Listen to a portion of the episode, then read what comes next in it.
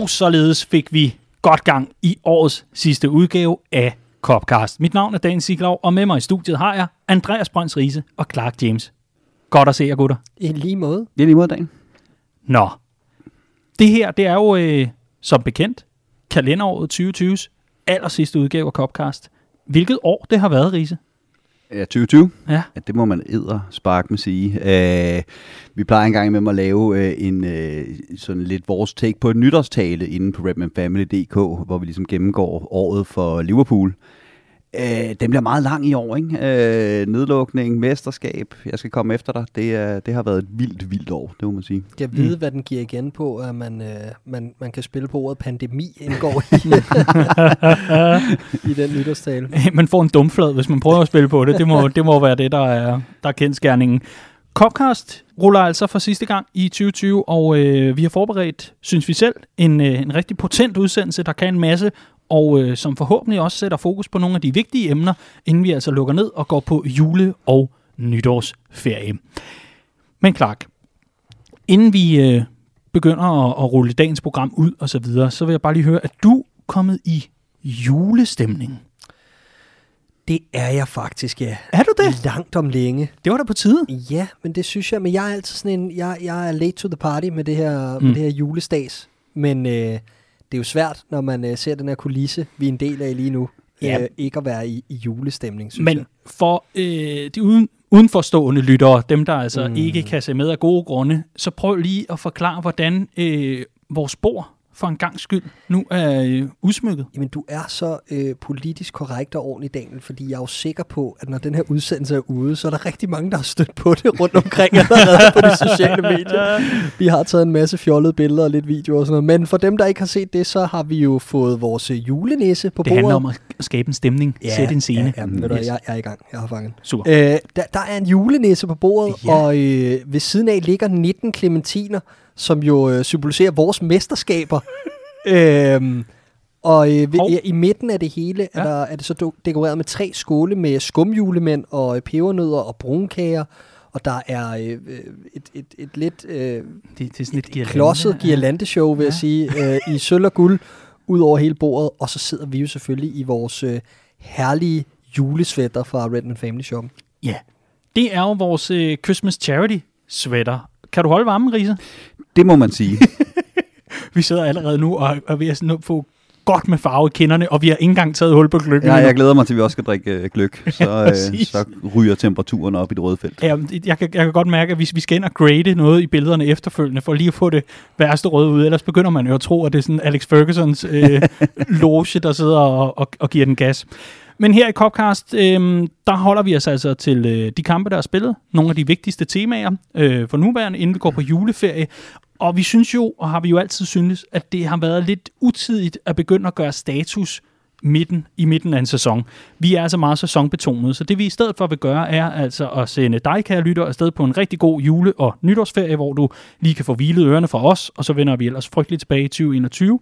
Men altså også lige få gjort det status på truppen. Der er nogle spillernavne, jeg havde med i dag, og øh, der er i det hele taget et juleprogram, som er rigtig interessant at dykke lidt ned i, inden vi altså åbner et helt nyt kalenderår, forhåbentlig fuld af vacciner og raske mennesker og masser af samvær igen. Det vil simpelthen være så rart.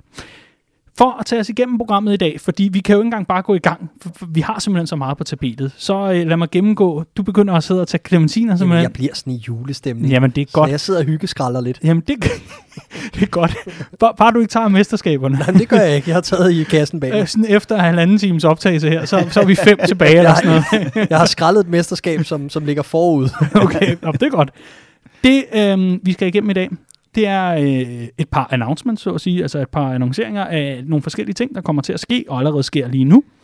Så er der øh, sket noget her mandag, som vi også ruller igennem. Det kommer vi til lige om lidt. Og så har vi altså øh, kampene og meget mere. Og lad os øh, tage det fra toppen, fordi først og fremmest, kære lytter, så øh, kan Copcast ikke fungere uden din støtte og hjælp. Og det kan den ikke, fordi at øh, vi kan ikke bare sætte os ned og lave det. Vi kan kun gøre det, hvis der er masser af medlemmer i Redman Family, og det er der heldigvis. Og det må der meget gerne fortsætte med at være. I Redman Family, der har vi ikke i løbet af det her redsomme kalenderår, hvor vi jo ikke har kunnet arrangere jamen, nærmest noget som helst, har vi ikke kunnet invitere til fest eller noget som helst andet. Og derfor har det været lidt anderledes for os i forhold til at navigere i det her mærkelige rørte vand, hvor man ikke rigtig ved, hvor man havner henne. Det vi har været rigtig, rigtig glade for, det er, at rigtig mange har valgt at fortsætte deres medlemskaber, og det håber vi, I har lyst til. Hvis du ikke er medlem, så håber vi, at det måske er nu, du tænker, de skal sendes afsted på en rigtig god jule- og nytårsferie. Både dem fra Copcast, men også dem i min lokalafdeling, alle skribenterne, hvem ved, hvad ved jeg. I hvert fald så er vores julegaveønske i år, at hvis du har muligheden for det, at du så melder dig under fanerne og bliver en del af Redman Family. Det vil vi blive rigtig, rigtig glade for. Og Clark, der er jo en bagtanke med det her. Fordi hvad er det, man får som medlem i den her uge til og med torsdag? Der får man jo del i vores juleudsalg i Redmond Family Shoppen, hvor vi har 25% på alt, og for alle, der, bestem, der bestiller i uh, hele december, både mm. frem til på torsdag, men også i resten af december, får uh, to uh, sådan nogle silikonearmbånd med YNVA på med i ordren. Der er jo nogen, der kan huske helt tilbage fra de hedengangene LFC Danmark-dage, ja. at uh, det der med armbånd, det er altså det nyeste nye, stadigvæk her, otte år efter. Så det er altså bare... Uh, med at komme ind i Redman Family Shoppen og få brugt rabatkoden. Og der kan man altså også spare 25% på din bog om mesterskabet, som du har skrevet sammen med Esben Surbal, Riese. Den går simpelthen for rygende. Ja, jamen, øh, der er i hvert fald okay gang mm. i, i salget. Kan sagtens komme mere, ikke? Jo. Øhm, har stadigvæk en, en kasses penge endnu stående til at sende ud, og vi kan godt bestille flere hjem, så, så bare se at komme det i var gang. da heldigt. Ja, og der er indløbet øh, et par reaktioner på den, og, øh, og, og folk lader til at være Mm. øh, glade, enten glade eller meget høflige. Ja. Øh, det er i hvert fald sagt, den er god. Så, øh, så, så Ja. tak for de tilbagemeldinger, der er kommet, og skynd jer at købe den, inden den er udsolgt. Ja. Og hvis man ikke bryder sig om nogle af kapitlerne, så kan de bruges i forskellige nisselandskaber til lige at lave de rigtige justeringer eller hævninger eller noget andet. Man kan bruge dem til mange ting, sådan en mesterskabsbog. Og i hvert fald så er den til 25% inde i shoppen. Så hop ind og shop, hvis du er medlem. Det vil vi blive så glade for. Så skal vi til øh, noget, der også er rigtig vigtigt for os i Redman Family. For tredje år i streg, der kan vi sige, at nu er det blevet tid til Christmas Charity. Altså har vi øh, på årlig basis en indsamling, der foregår i julen. Der i navnet Christmas Charity. Det var den opmærksomme lytter, der allerede havde opfanget det. Den kommer til at løbe fra den 18. december til og med den 26. december, og der samler vi ind til fordel for North Liverpool Food Banks. Og Clark, der er dog også en rød juletråd til vores julesweaters, fordi øh, hvad er der lige med dem? Hver gang vi øh, har solgt en sweater, og vi har heldigvis solgt rigtig mange julesweaters, øhm, så går der 80 kroner til indsamlingen eller til samme formål til North Liverpool Food Banks. Og øh, vi har jo faktisk udsolgt en hel del størrelser og har kun ganske, ganske få tilbage. Øhm, og det betyder også, at der er over 10.000 kroner indsamlet Mm. mm. fra de her julesweaters til øh, indsamling. Så man starter altså allerede nu med at kunne sige, at øh, der ligger 10.000 i indsamlingen, og så kan vi ellers øh, gå amok. Sidste år, der landede vi på knap om 49.000 something something. I år, der vil vi over de 50. Det, det må være målet. Så i hvert fald, hvis du har lyst til at støtte med indsamlingen, så hold øje med vores sociale medier, hold øje med vores hjemmeside, og hold øje med din øh, indbakke på Gmail, hvis Google eller skider virke igen i dag, jamen øh, så kommer der altså nyhedsbrev og meget mere om vores indsamling, hvor vi altså samler ind til dem, der er allermest nødlidende i Liverpool og omegn øhm, via North Liverpool Food Banks. Og øh, vi var jo på studietur, så at sige, her i, øh, her i begyndelsen af året, Clark, hvor vi øh, fik øh, mulighed for at, at se, hvad det var for en slags arbejde, de gjorde, og man kan se, det gør en forskel. Absolut, absolut. Og det er altså... Det er heldigvis noget, der er begyndt at være rigtig meget opmærksomhed på øh, i, i det engelske, og faktisk også øh, rundt om i, i Europa i fansgang generelt, men, men også ikke kun Liverpool-fans, øh, altså fans helt generelt er, er meget opmærksomme på det her med de her foodbanks, og, og hvad de ligesom bidrager til. Der er det her initiativ, der hedder øh, Fans Supporting Food Banks, som, øh, som ligesom er sådan et, en, en, en kanal, der skaber opmærksomhed på, øh, mm. på de her tiltag, og, og når, når klubber så møder hinanden på kryds og tværs, så er det meget god kutume, at man ligesom støtter op om hinandens foodbanks. Øh, og og, og det, er jo, det er jo super fint, en rigtig fin bevægelse, som vi selvfølgelig rigtig gerne vil bakke op om, Mm. og øh, især når der kommer fans tilbage på stadion, er det en ting, som virkelig, øh, virkelig genererer noget, der gør en forskel. Og det er jo det, man ligesom har savnet her i 2020, og det har North Liverpool Food Banks også kunne mærke, så øh, det bliver rigtig, rigtig vigtigt, at vi endnu en gang støtter op i år. Og hvis du sidder og lytter og tænker, ja, ja, det er fint, men hvordan kan jeg støtte? Jamen så bare roligt, det kan du altså fra den 18. december. Hvis jeg ikke tager meget fejl, så er det faktisk på fredag, at du, øh, at du har muligheden for at støtte, og så hele vejen frem til Boxing Day. Til og med Boxing Day kan du altså huske det på den 26. Og øh, vi kommer til at smide et MobilePay-nummer ud, som altså er det officielle MobilePay-nummer, du kan bruge. Og så øh, er der også, hvis du kontakter os på anden vis, er der altså også mulighed for at få et registrerings- og kontonummer. Det skal ikke være det, der holder os tilbage. Men lad os prøve at holde os til øh, MobilePay. Det vil vi blive rigtig, rigtig glade for. Så skal vi desværre til noget, der er rigtig, rigtig trist. Tidligere i dag, der kom det frem faktisk en halv times penge, inden der blev trukket lod til Champions League. Det skal vi nok komme til. Men der kom det frem, at den tidligere Liverpool-manager Gerard Houllier, han er afgået ved døden, 73 år gammel. Riese, jeg tror, at du er den rundt om bordet, der har øh, de bedste, øh, så at sige, øh, bedste hukommelse, når det kommer til Gerard Houllier, og i hvert fald har nået at opleve mest med ham, øh, i og med at Clark og jeg, vi, vi kommer lige lidt senere på Liverpool-toget end, øh, end dig. Det er jo ikke nogen hemmelighed, at du snart er efterlønsalderen, så øh, du husker det jo tydeligt. Gerard Houllier, øh, hvis man skal sætte nogle ord på ham. Øh, han havde en helt enorm betydning for Liverpool på det tidspunkt, han kom ind, og det havde han, fordi at Liverpool på det tidspunkt, øh, i slutningen af 90'erne, der nærmede vi os 10 år, hvor Liverpool ikke havde vundet mesterskabet, og det var jo nærmest utænkeligt øh, på Merseyside på, øh, på det tidspunkt. Øh, Ulie kommer ind og moderniserer klubben øh, Liverpool. Øh, lidt af det, man så Wenger gøre i, i Arsenal, Øh, I mine øjne har han fuldt ud lige så stor betydning for, øh, for Liverpool i den periode, som Wenger havde for, for Arsenal. Øh, han moderniserer træningsmetoderne, øh, han professionaliserer øh, simpelthen øh, klubben, og så får han jo bygget det her hold. Det er også ham, der begynder at hente udenlandske spillere for alvor til, til Liverpool. Øh, og han får bygget det her 2001-hold, der virkelig river pokaler der i, øh, i, i startnullerne. Mm-hmm. Øh, han får desværre en lidt trist afsked med, øh, med, med Liverpool. Han, han, øh, han falder om med et hjertetilfælde øh, øh, til en kamp mod Leeds. Øh, kommer tilbage fem måneder senere til en, øh, en kamp mod Roma øh, på, øh, på Anfield. Og til dem, der ikke kan huske den kamp, og ikke har set, gå ind og se klippet. Jeg tror også, vi har et lydklip fra det. Mm Øhm, det er en af de mest magiske aftener, øh, European Nights på Anfield. Liverpool skal vinde 2-0 for at gå videre øh, over Roma, og gør det så, øh, så også. Desværre blev Ulie aldrig den samme øh, igen efter, øh, efter det her tragiske øh, hjerteanfald. Øh, og han, han får en lidt blandet afsked med, med Liverpool. I mine øjne er han ham, der bringer Liverpool ind i det nye årtusind. Han er også den første manager i Liverpool, der for alvor mærker det pres, der bliver lagt i de elektroniske mediers øh, tidsalder.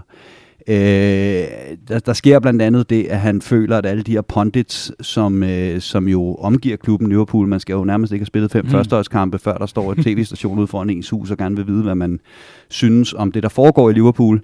Øhm, og der, der går der historier om, at, øh, og de er vist også bekræftet, ikke? han har en, en lang liste op på sit kontor over tidligere Liverpool-spillere og pundits, der er efter ham. Og han ender med at formene Alan Kennedy adgang til Anfield. Øhm, og det, det, det, det, det bliver lidt hans eftermæle, det her i, i, i Liverpool, og det er, det, det er, det er ret uh, tragisk, fordi så overser man virkelig, hvor stor en betydning han havde mm. øh, for, for klubben Liverpool, da han kommer ind der i, øh, i, i, i slutningen af 90'erne, og formår at få Liverpool ind i det nye årtusind. Der er jo også nogen, der sådan lidt muntert kalder det fish and chips revolutionen, i og med, at øh, også kosten bliver revolutioneret, ja. og man får pines ud af, ud af den daglige, det daglige kostindtag og kalorieindtag. Ja, men præcis, ja. præcis. Og jeg kan, altså, jeg kan mærke, fordi Øh, den har faktisk ramt mig ret hårdt i dag, kan jeg mærke, øh, på en måde, som, som jeg ikke tidligere har oplevet, når vi har taget afsked med, øh, med de her øh, Liverpool-legender, der er jo desværre øh, nu er nået en alder, hvor at, at mm man skal til at gøre øh, den slags. Og det, det er jo fordi, jeg tror også, det er en generationsting det her. Ikke? Jeg er 19 år der i 2001, og har jo en historie, hvor at, øh, jeg har fortalt et, et, par, et par lejligheder, øh, at min første stormende teenageforelskelse øh, slår op med mig øh, den dag, vi skal spille UEFA Cup-finale i Dortmund. Og som alle, der har prøvet at være forelsket som teenager, ved, så altså, verden går i stå. Det hele bryder sammen der er aldrig noget, der bliver godt igen. Øh, og så sker den finale i Dortmund. Og øh, hende, øh, jeg så var kæreste med på det tidspunkt, hun ringer i, øh, i overtiden. Jeg kan se det her øh, navn blinke på min Nokia 3210.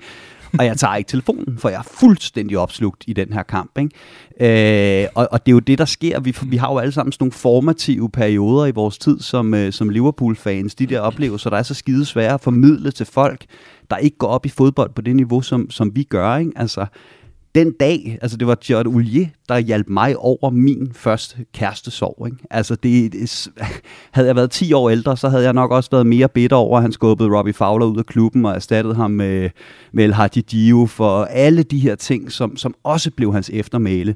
Det, det er sgu lige gyldigt for mig i dag. For min generation af, af Liverpool-fans, der er han op ved siden af... Øh, ja, det er næsten blasfemi, ikke? men op ved siden af Shankly, Paisley, øh, Benitez og, og, og Klopp. Øhm, jeg, jeg, jeg, I dag tager jeg afsked med en, der har betydet utrolig meget for mig som Liverpool-fan. Mm. Smukke ord. Wow. Og lad dem blive ledsaget af det lille klip, du talte om før, nemlig klippet, hvor Liverpool møder Roma. And here comes the Emperor back at A surprise homecoming for Gerard Houllier five months after he left Anfield en route to a hospital where rather more than his career was put at risk. Gerard Houllier at the night, beginning of a massive night for Liverpool gives them a massive boost.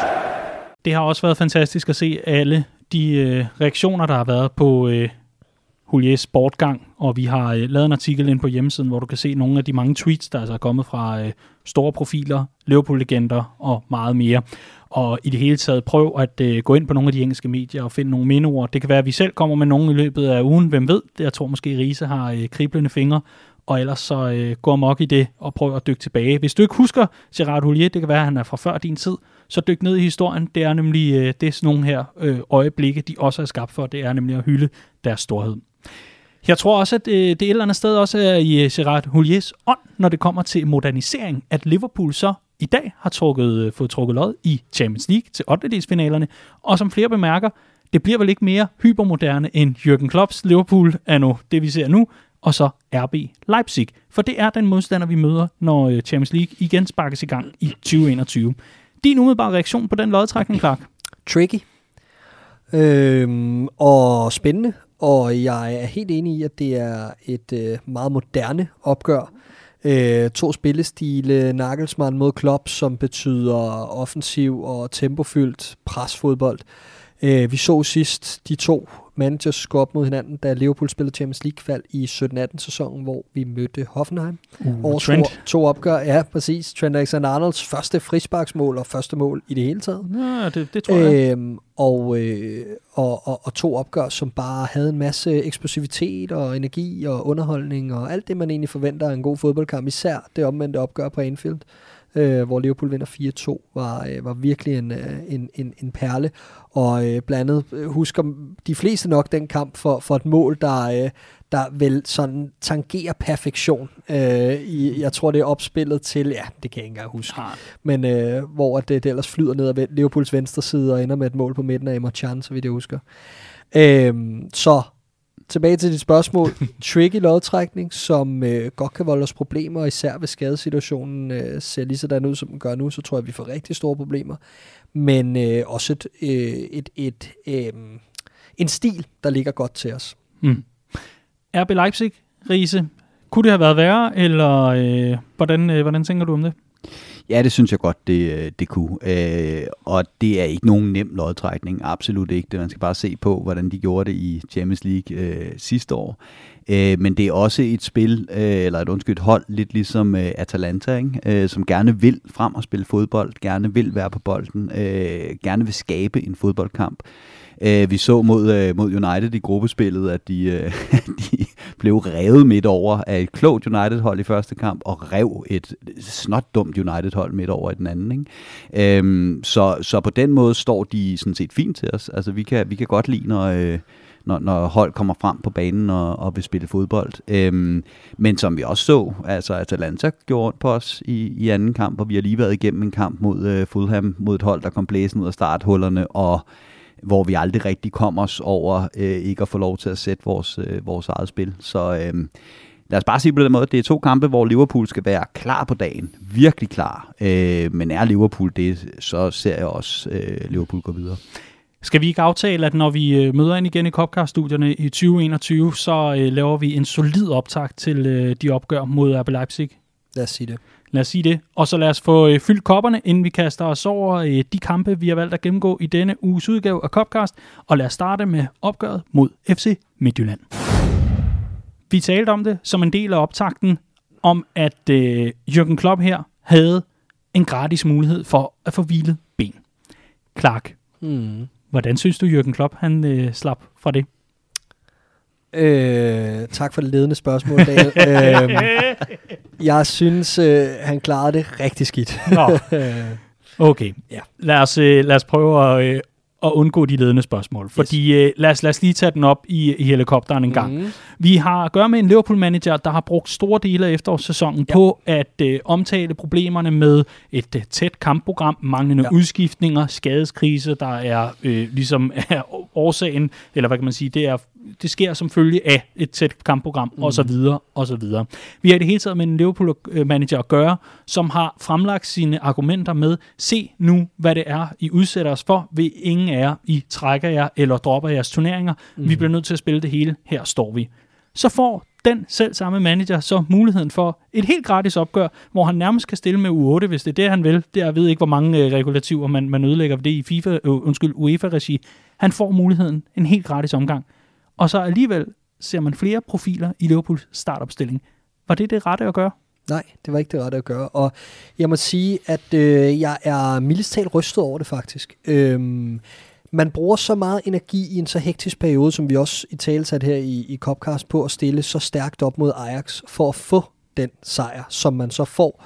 Det virkede lidt som et vendepunkt, øh, et halvt vendepunkt, om man vil, for Liverpool. Den sidste halvdel fik man så, da man slår Wolves øh, om søndagen.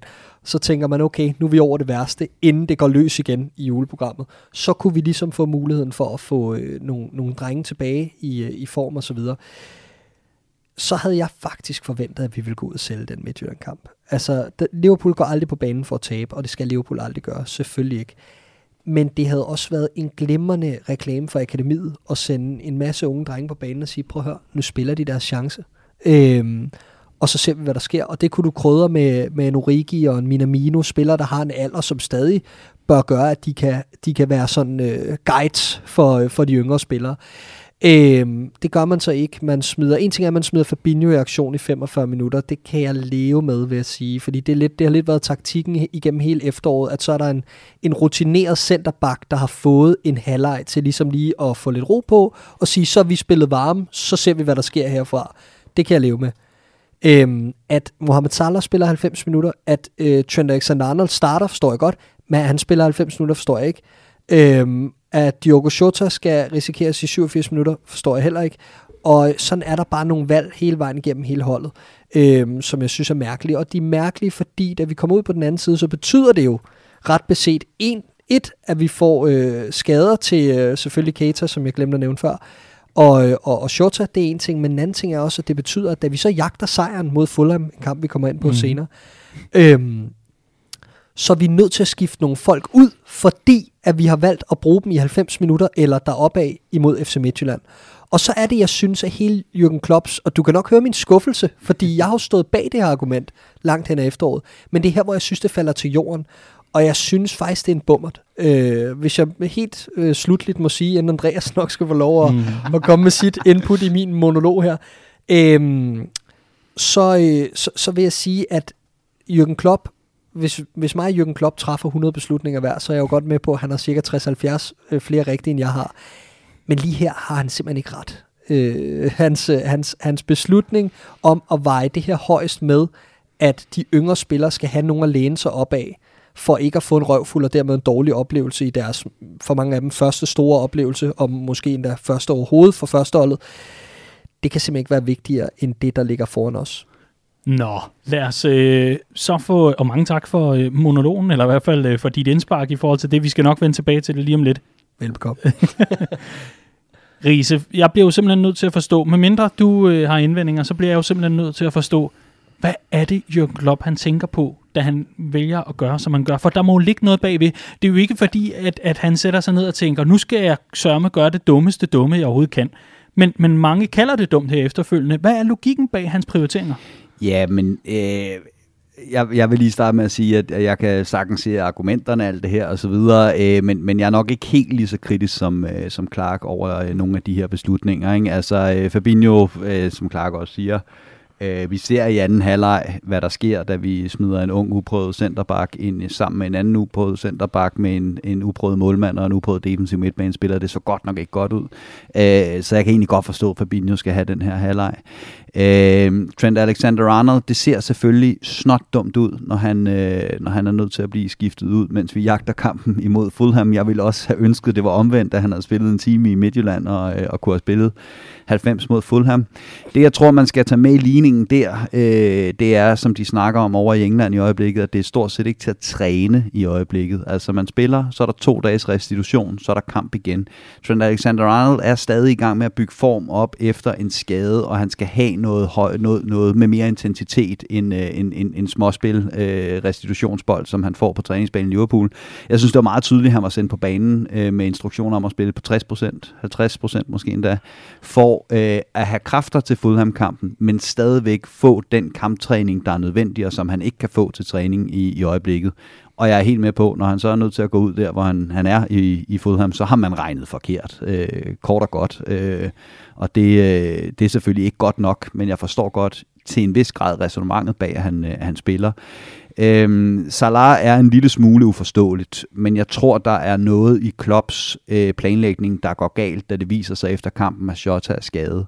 Det skal vi jo lige huske på. Øh, det er først, da han bliver skiftet ud, eller efter kampen, han siger, at jeg kan mærke noget i mit knæ, øh, og så viser det sig at være en, en ret alvorlig øh, knæskade. Ellers så tror jeg faktisk, at Shota havde spillet mod Fulham, og, øh, og øh, Salah havde skulle være helt frisk øh, til kampen mod Spurs.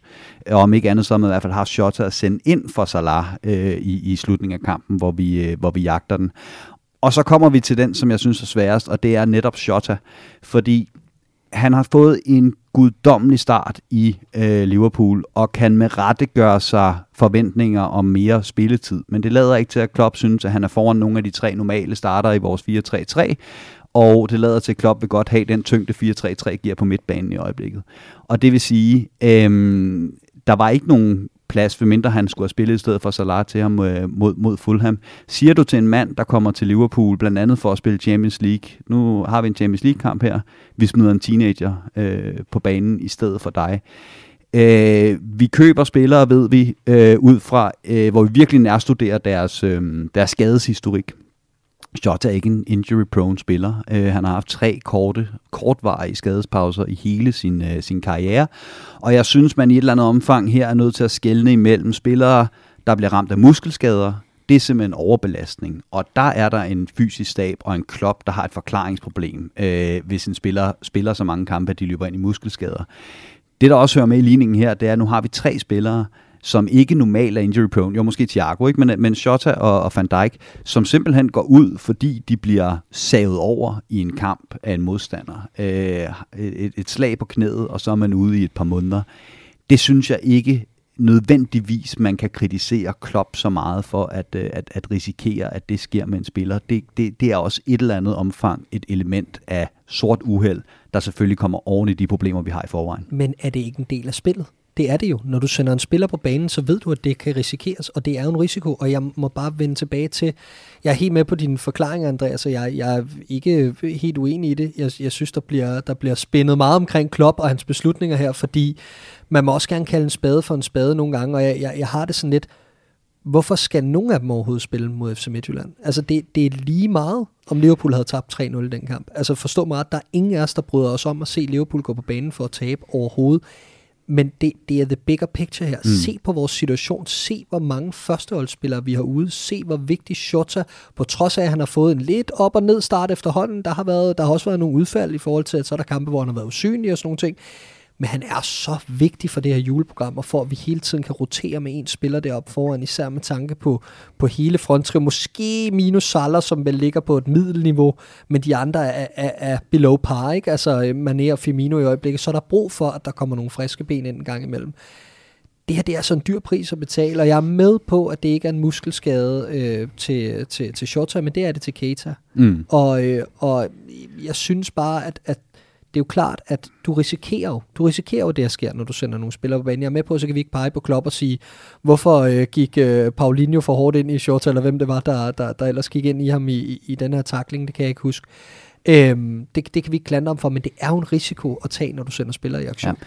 Men, men, og jeg kan, jeg kan 100% forstå den med, med Salah. Der synes jeg, det er decideret uforståeligt, ved mindre at planen var at hvile ham imod Fulham og give Shota minutterne der. Det der bare er med Shota, det er, at han har jo ikke været fast mand, og det gælder også om at holde nogle af de her trupspillere klar, og det kræver altså også spilletid. Keita havde brug for den spilletid, der var i, i, Ja. i Midtjylland-kampen. Enig. På, I et vist omfang synes jeg også, man kan argumentere for, at Trent Alexander-Arnold havde brug for den spilletid. Igen, jeg er helt med på, når han så bliver pillet ud i Fulham-kampen på det tidspunkt, han gør, så har man regnet forkert, og det er, Præcis. og det er kritisk, og, og helt også sikkert. omkring Keita, fordi havde, havde han brug for, altså, jeg er med på, at der sidder en sports, øh, øh, en, hvad hedder det, en fysisk stab i Liverpool og vurderer og regner alt det her. Men jeg synes, det virker helt vildt at smide Keita ind i 90 minutter. Altså, øh, og, og jeg synes, det virker helt vildt at smide Trent Alexander, Trent, Trent Alexander-Arnold ind i 90 minutter, når, man, når han så ikke kan spille færdig mod Fulham. Så, så der er helt sikkert noget, der er regnet forkert. En anden ting er så, da man så endelig skifter ud i Midtjylland, hvorfor er det så, at man tager Origi ud?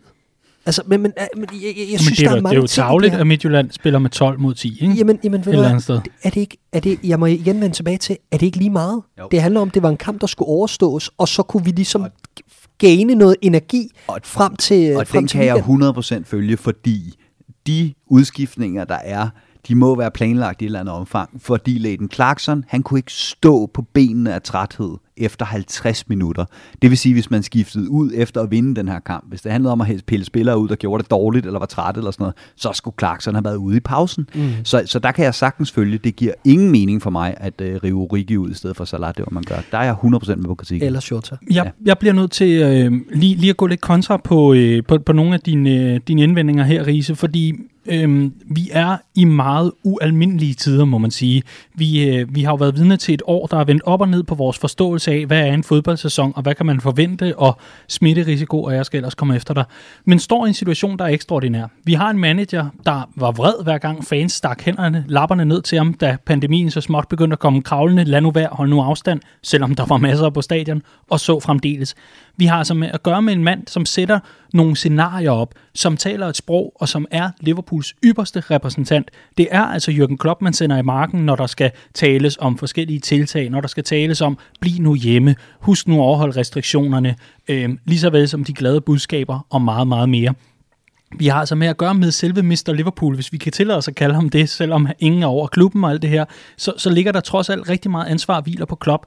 Vi har set ham hele det her efterår, det er det, jeg gerne vil ned i essensen af det her, fordi et er, at den her kamp mod Midtjylland er gratis, forstået på den måde, og i godsøjne, den er ligegyldig. Nogen vil sige, fjern godsøjnene, den er ligegyldig, alt er sikret.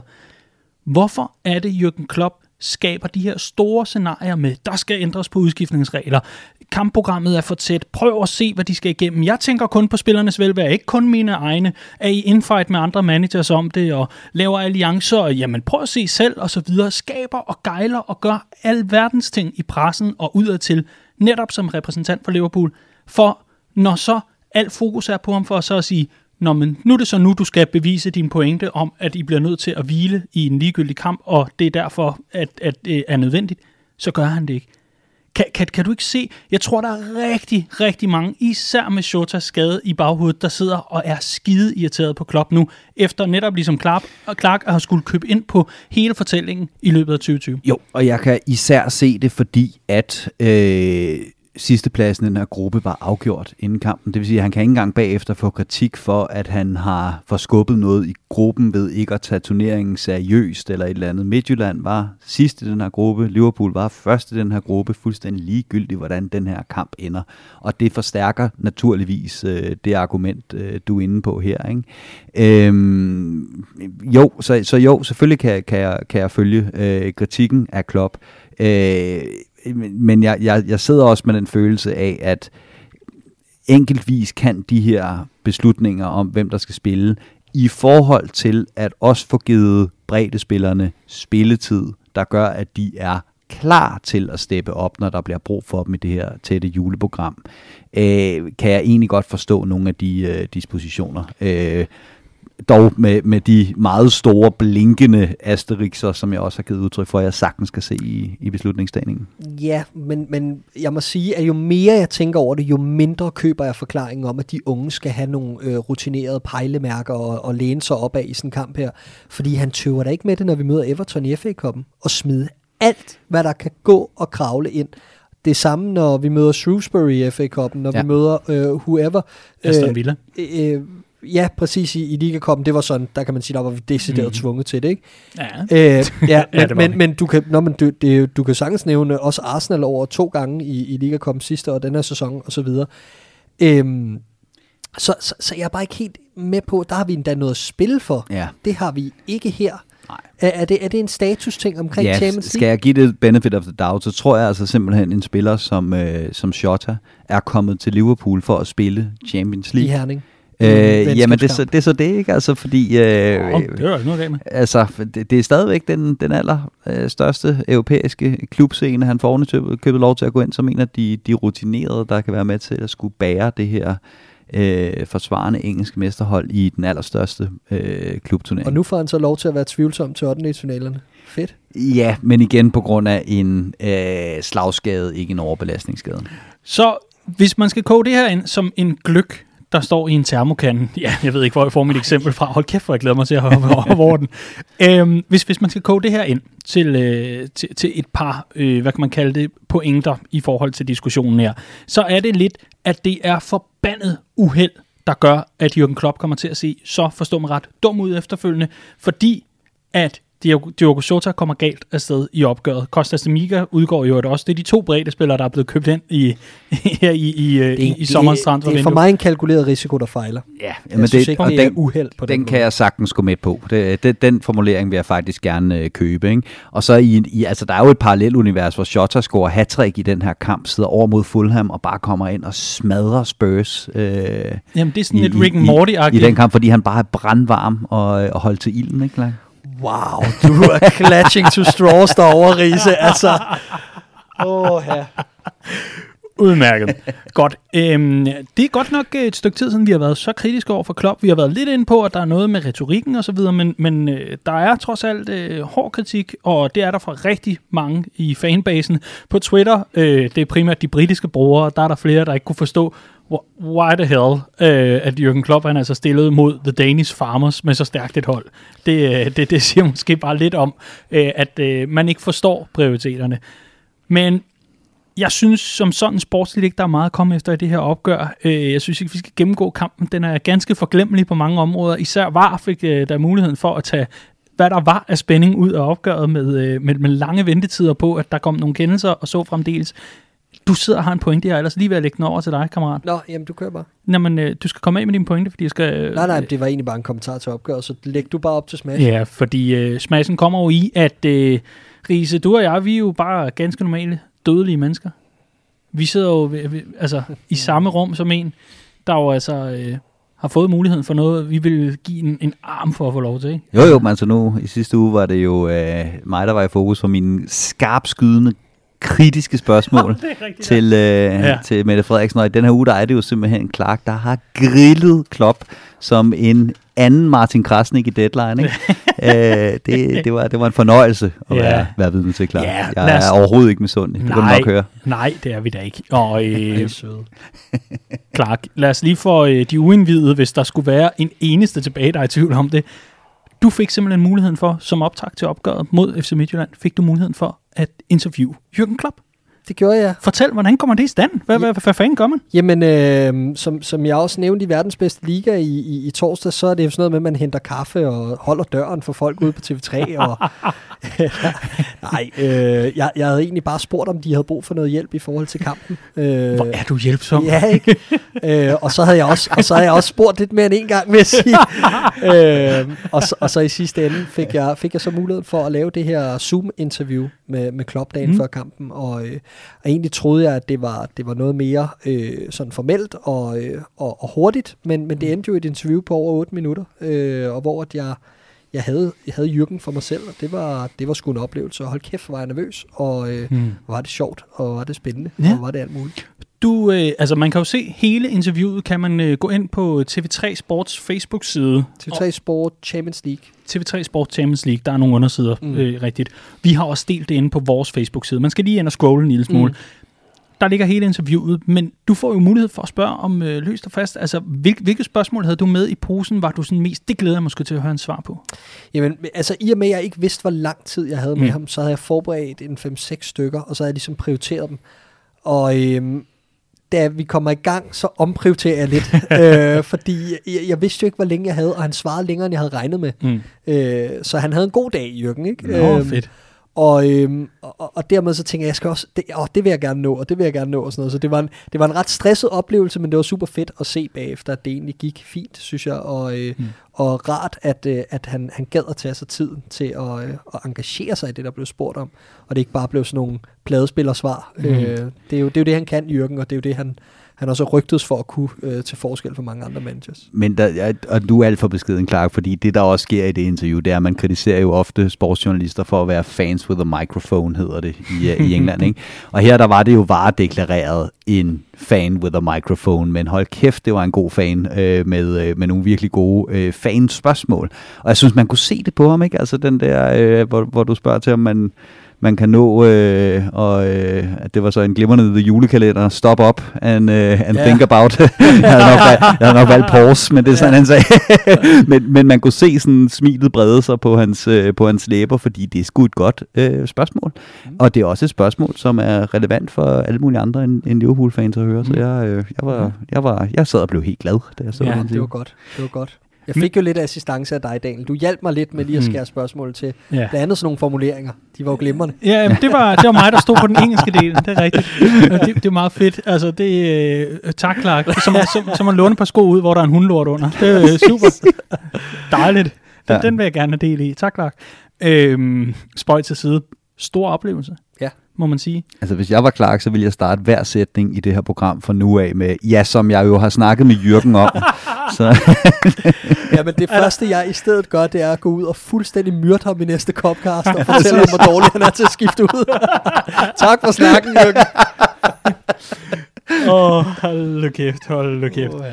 Men sikke en oplevelse. Ja. Og øh, ja, vel også et højdepunkt i dit liv, kunne man gå ud fra. Helt vildt, helt vildt. Altså, som jeg også... Øh, som jeg også har nævnt, da jeg blev spurgt om det efterfølgende, øh, at, altså Jürgen Klopp er jo, er jo ikke bare et, et, et fodboldmæssigt forbillede. Nu trak Riese nogle ganske fine og, og kærlige, flotte paralleller med, med Gerard Houllier før øh, til, til hans liv. Altså, Jürgen Klopp har jo også været øh, skældsættende for mange af os i forhold til at sætte kurs mod nogle lykkeligere tider som Liverpool-fan, og, øh, og, og, og den kultur, han sådan har installeret i klubben, øh, går langt ud over fodbold. Ikke? Det, det bygger på nogle rigtig fine værdier, som handler om at se øh, menneskerne, øh, man, er, man er i rum med, frem for at, øh, at, at se på stjernespillere og, øh, og individualister. Øh, og det her kollektiv, han er bygget op, er, er simpelthen bygget på så mange fine ting, så, øh, Mm. så det er enormt prisværdigt. Jeg tror, det er ganske få øh, podcasts, hvor man simpelthen kan få et øh, segment, der hedder Hold kæft, Jørgen, din store idiot. Men det var jo fantastisk at tale med min gode ven, Jørgen. øh, det tror jeg ikke, man får Må mange steder. aldrig finde på at kalde ham for en idiot. Nej, det er rigtigt. Men øh, vi ved godt, hvad der ligger under alle. Nej, det- spøj til side, spøj til side. Det var vores øh, gennemgang af Midtjylland-kampen, og øh, i hvert fald øh, de diskussioner, der har været efterfølgende, de konsekvenser, som øh, det har fået efterfølgende. Altså øh, fitness issue skade til Naby Keita. Hvem havde troet, han kunne pådrage sig den slags? Costa Semigas og Diogo Jota er begge ude i godt og vel halvanden til to måneder. Og det vil altså sige, at vi skal vente helt til februar, før de er tilbage. Sådan er det nu engang. Derudover så er der altså ud fra Champions League, Champions League perspektiv selvfølgelig en øh, modstander i form af RB Leipzig til Liverpool, når det ellers bliver 2021. Det var alt fra vores europæiske øh, hjørne, hvor vi altså også øh, har øh, en mesterinterviewer på øh, Jürgen Klopp. Lad os hoppe øh, direkte videre til Premier League og søndagens fantastiske opgør mod Fulham. Jeg ved ikke med jer, men jeg fik sådan nogle rigtig, rigtig grimme øh, flashbacks og sådan noget déjà vu til opgøret mod Aston Villa, da Liverpool gik på banen mod Fulham i går. Der skulle ikke mange minutter til, så kunne jeg godt se, at det her, det begynder altså at se rigtig grumt ud. Liverpool, jamen, de var nærmest ikke mødt op. Rise, hvor skal man starte? Den her første halvleg fra Liverpool mod Fulham, den er vel noget af det mest hæstlige, vi har set i det her efterår, ud over Aston Villa altså. Ja, ja fuldstændig. Øh, jeg, jeg, jeg havde virkelig også svært ved at finde en grimasse, der kunne passe øh, i løbet af den første halvleg. Ja, præcis. Øhm, fordi der var bare ikke noget, der fungerede. Øh, og jeg havde den der følelse af, at vi har ofte set Liverpool møde sådan hold, der kommer flæskende ud af starthullerne. Og så er det som at se sådan en storebror med længere arme, der står og holder sådan en lille øh, overgivet unge på, på hovedet, og ungen står med de der vilde møllesving, og storebroren står bare og tænker, er det fint, du om 10 minutter, så er du træt, og så får du tæsk. øhm, og det var sådan lidt... Er den du der, selv storebror? Øh, ja, det Ja, er- okay. Det er. det er også, jeg ved, hvad du mener. Det er Yes. Nå, okay. Ah. øh, og, og det var lidt sådan det, jeg sad og tænkte, da jeg så det der Fulham-hold komme flæsende ud, så tænkte jeg, ja, det er fint. Øh, bare vent til anden halvleg. Men der var bare ikke noget, Liverpool kunne få til at fungere. Vi kunne ikke finde nogen ro, fordi hver gang vi så selv havde muligheden for rent faktisk at, at få lidt ro på det, holde lidt på bolden, så var det ukoncentrerede afleveringer, misforståelser, en, en exceptionel høj fejlprocent på vores eget spil, som jeg netop synes, vi øh, her over de sidste par måneder har set er begyndt at glide meget bedre, at vi har kunne, kunne sætte de her Mm. pasninger sammen i så højt et tempo, og sådan hold som Fulham simpelthen bare bliver, øh, bliver kørt over. Det fik vi ikke på noget tidspunkt til at fungere i løbet af den der øh, første halvleg, og så sker der jo det, der bare ikke må ske, og det er, at vi kommer bagud, så det er op ad bakke i, i anden halvleg, i stedet for at vi kan begynde at tage øh, eller få en fordel af, at de bliver trætte, og at vi, hvor de sidste 20 minutter, som vi så ofte ser med Liverpool, bliver Liverpool, så bliver det op ad bakke i stedet for, og det var, øh, det var, det var, det var en skidt omgang. Der er ikke nogen grund til at pakke det her ind. Det var Nej. Virkelig skidt. Nej, det synes jeg heller ikke, og det synes jeg, der er, det er sådan en, en, en pointe i sig selv et eller andet sted, Clark, fordi uden omsvøb, nu har vi lige været igennem den glade omgang for FC Midtjylland mm. og, øh, og, og Jürgen Klopps prioriteter her. Langt hen ad vejen må man jo sige, Jürgen Klopp stiller med det, vi kan forvente af stærkeste mulighed for en, en startelver, øh, kvæg skadeskrise og alt det her, og stiller jo med de drenge, han tror allermest på, men de er bare ikke klar på dagen. Den her, den ligger vel på spillerne i første halvleg, som bare på ingen måde er mødt op. Det synes jeg helt sikkert, den gør. Øhm, og jeg, da jeg så opstillingen, tænkte jeg, at det vil, øh, det, altså det lignede en walkover. Jeg tænkte, Liverpool vinder 3-0, øh, og så er det videre i teksten. Øh, god struktur, øh, god øh, sådan erfaring op gennem stammen på holdet, og krydret med en frisk Curtis Jones, der lige har fået en pause, en Gini Wijnaldum, der lige har fået en pause, en fronttrio, som ja, nogle af dem havde fået en pause. Jeg tænkte, det, det ser sgu egentlig meget, meget godt ud.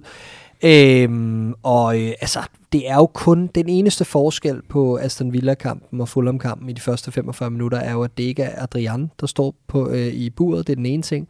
Og den anden er, at vi møder en dårligere modstander, simpelthen, der ikke har de samme øh, individualister til at sætte dem op til, øh, til de helt, helt farlige situationer.